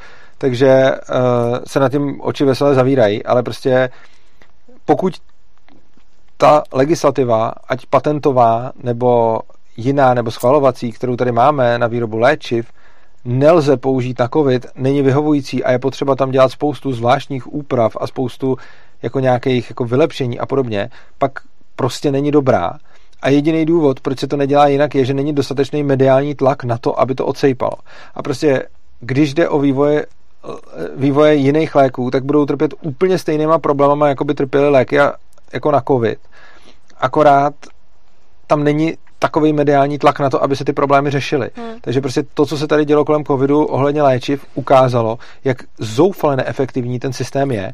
A myslím si, že jako je úplně milný se domnívat, jakože teď je tady pandemie, takže potřebujeme nějaký, takže potřebujeme nějaký jako, jak to říct, speciální zacházení. No prostě potřebujeme speciální zacházení, protože se to týká hodně lidí a že na politiky hodně tlačej. Ale jako úplně stejný speciální zacházení by si zasloužil každý lék, který se týká méně lidí, kteří na ty politiky nedokážou tolik zatlačit. Jo, jo, jo, to je pravda. Jako je fakt, že bez těch patentů by uh, jako návratnost některých investicí do výzkumu mohla být hodně jako sporná, jestli by vůbec někde byla. A obecně ty lidi, kteří by do toho vkládali nějaké jako svoje zdroje, by neměli jako zaručený, že se některé ty zdroje vrátí. Na druhou stranu mně nepřijde, že tohle jako má být obhajobou pro to, aby vlastně celá společnost pak tratila na tom, že ta věda je svým způsobem jako bržděná a že se to nemůže jako posouvat ještě někam no, dál. Oni by ti na to a... zase řekli, že ta věda bude bržděná tím, že ty lidi do ní ani neinvestují rovnou. Ale a... já si to úplně nevím. No, to by, já vím, no, ale já se to přesně mně jako přijde, že to je to, o čem jsme se bavili jako za začátku, jak by se to jako financovalo, že jo. Že uh, může do toho vstupovat uh, za víc lidí, nikde jako není daný, že prostě jedna firma musí jako vyvíjet nějaký jako jeden konkrétní produkt nebo jako výzkum, že může na tom participovat víc věcí naraz, aby potom jako v, ty náklady na konkrétní jeden subjekt se jako snížily. Může to být zase přesně sponzor, sponzorovaný nějakýma jako sponzorskýma darama, jednotlivýma lidma, jako dají se najít širší, širší jako způsoby, jak tohle to vyřešit. A já si myslím, že když po něčem poptávka jako je, a, a to lidstvo jako něko, něco, obzvlášť v době, kdy už potom to lidstvo něco potřebuje, což už třeba může být zrovna konkrétně nějaký ten lék na ten covid, tak eh, že není takový jako potom problém na to vybrat mezi těma lidmi. Hmm. Já tady mám nějaký hmm. komentáře, kterým jsem se chtěl věnovat. Hmm. Zaprý Ondřej Pavel napsal, že uh, televize Sky vlastní to slovo. Nevím, jestli je to pravda, ale jo, tak je to hrozný. Jako, že by někdo fakt vlastnil slovo Sky. A potom jsou tady dva, dvě připomínky. Nalitika píše, co kdyby na volném trhu developer postavil fabriku, kterou by pronajímal pod podmínkou, že tam nesmí nájemní kopírovat inovace od konkurence. Nebyla to vlastně určená ochrana do, uh, duševního vlastnictví. A někdo se tady ptal na něco velice podobného dál a to byl uh, jo, Dan Don. A keby někdo dal například zaměstnancům do pracovní zmluvy, že nemůžu hovorit na verejnosti hmm. O technologiách, které vyvíjají, bol by si proti. Nebyl bych proti a tam ta původní ochrana duševního vlastnictví takhle. Je hrozně důležité si uvědomit, že když my říkáme, že jsme jako proti duševnímu vlastnictví a na to spíš doporučuji teda přednášku o duševním vlastnictví, najdete ji hmm. v playlistu Anarchokapitalismus v decentrále, který, který najdete tady v kanálu Superného přístavu, tak uh, když byste se podívali prostě na, na tuhletu přednášku, tak zjistíte, že to, že anarchokapitalisti jsou proti duševnímu vlastnictví, v podstatě neznamená, že si nemůžete do smlouvy dát cokoliv. Můžete si tam dát cokoliv a můžete si chránit svoje výrobní tajemství, nemusíte ho nikomu říkat. Prostě. Hmm, hmm. A když bude mít zaměstnanec prostě ve smlouvě, že to nesmí vyhradit, tak je to naprosto v pohodě hmm. a je to úplně v pořádku. Každý může mít svoje tajemství, každý může mít svoje výrobní tajemství, každý může mít svoje průmyslové tajemství a nikdo není povinný ho nikomu eh, říkat a navíc každý může kohokoliv zavázat k, to, k tomu, že pod libovolně vysokou pokutou a sankcí tohle tajemství nevyzradí vyřadí. A to je úplně v pořádku a je, je to OK. To, proti čemu já vlastně se vymezuju, je to, když jsou potom postihovaný i strany, které s tou smlouvou neměly vůbec nic společného. Což znamená, že uh, prostě pokud já budu mít fabriku, ve které mám nějaký výrobní tajemství a všichni moji zaměstnanci budou vázaní tím, že to výrobní tajemství nevyzradí, tak uh, potom já samozřejmě, když to vyzradí, to můžu z nich normálně vymáhat a můžu to vymáhat pod libovolně jako vysokou sankcí. Můžu na to být třeba pojištěný nebo cokoliv, můžu dokonce mít to jako podmínku, že prostě musí být, ne, nebo já nevím, jo, hmm. prostě, prostě cokoliv takového, že prostě to budu vymáhat pod, uh, pod nějakou hrozně vysokou sankcí. To je v pohodě, ale to, co myslím, že není v pohodě, je, když už se pak to výrobní tajemství dostane ven, a, a no. někdo, ho, někdo ho začne využívat a začne se využívat po celém světě, tak já potom bych neměl mít právo chodit za těma lidma, kteří se mnou žádnou smlouvu neuzavřeli, který jsem třeba nikdy v životě neviděl hmm. a který s tím vůbec nějak nesouvisí a e, jako chtít po nich, aby něco nevyráběli a nutit je k tomu jenom proto, že já jsem to vymyslel. To. Ale to je samozřejmě, na to se dá zase říct jako strašně moc, uh, se dá říct strašně moc jako různých věcí a uh, jako spíš bych odkázal lidi na tu přednášku o tom duševním vlastnictví. Hm? No, a teď bych uh, ty bláho. Televize Sky se soudila s hrou No Man's Sky a nakonec to dopadlo vyrovnáním jen kvůli tomu slovu. Je absurdní, že se kvůli takovému případu dá vůbec soudit. Ano, je to absurdní. Hmm. Uh, tak, co bych já chtěl, co bych já chtěl tady říct? Chtěl bych říct, že už se blížíme ke konci, že je to no, tak? Určitě. Už jsme probrali všechny témata, které už jsme u patentů, takže tam to mělo končit.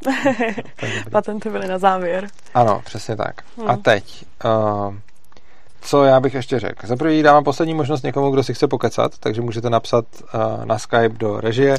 Ideálně k tématu teda. Ideálně k tématu, ano, jako. správně. A napište, hmm. napište na ten Skype. Uh, ten Skype je svobodný přístav nebo urzanarchy.gmail.com. Tam jim řeknete, na co se chcete zeptat a oni vás, když tak uh, propojí. Vy sem nevolejte, stejně, vás, stejně vám to nezvednou. A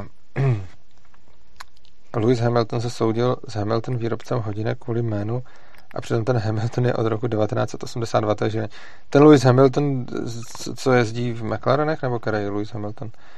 Uh, teda v, v Mercedesu. Uh, tak, uh, co jsme tady chtěli nakonec říkat? Nakonec jsme chtěli říkat to, že bych vám strašně rád řekl, abyste se přihlásili na další stream a strašně rád bych vám řekl, že to hmm. můžete už dávno udělat. Jenže vám to nemůžu říct, eh, protože jsem ten stream rozbil a budu ho muset zakládat znova.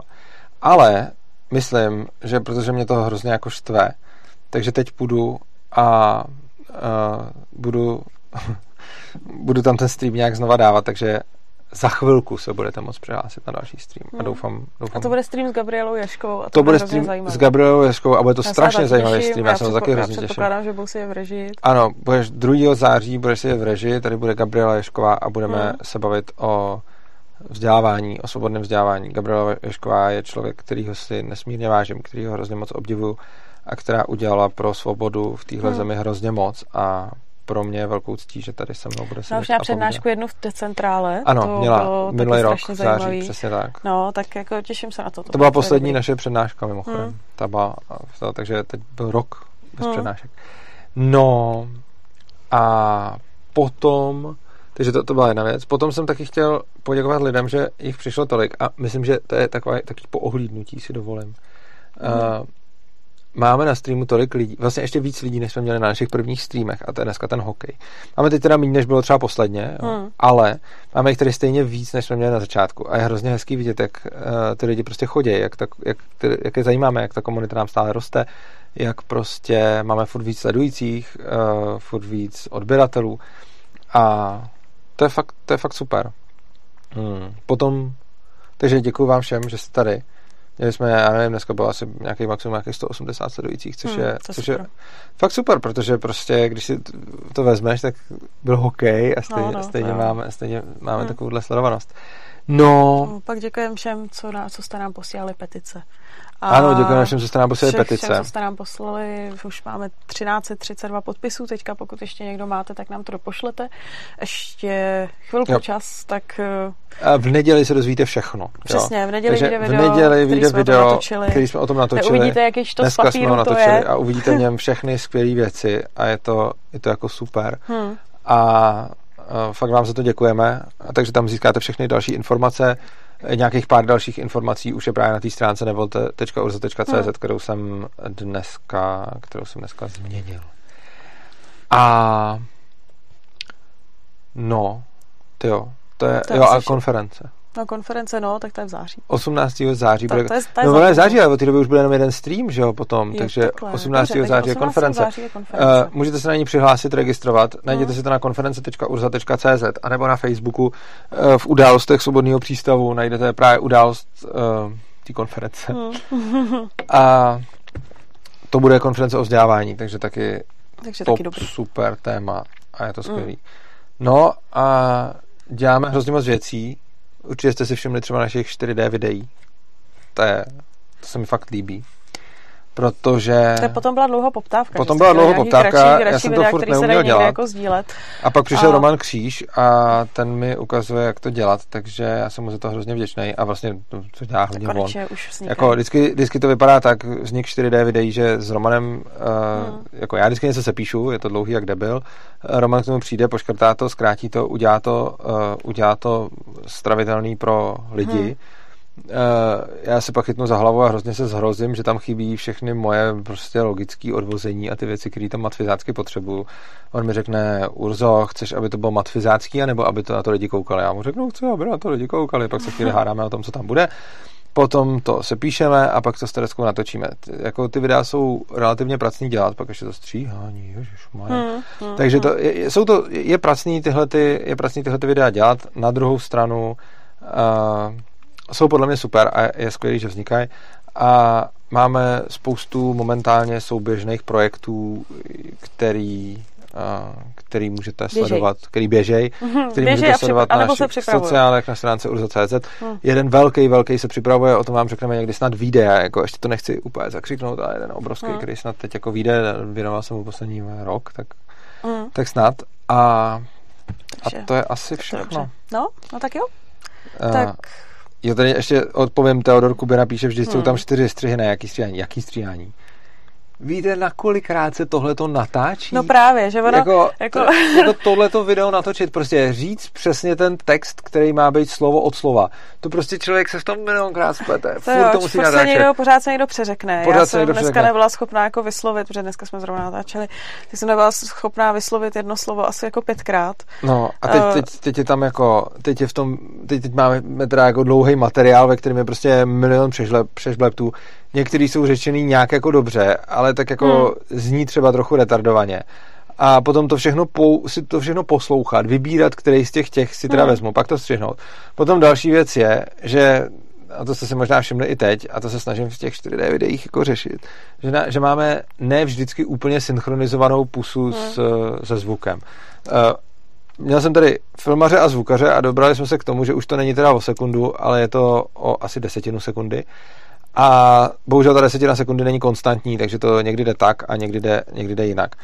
Eh, Což eh, tady asi v tom streamu prostě nevadí a prostě to tak nechávám, nikdo si na to moc nestěžuje.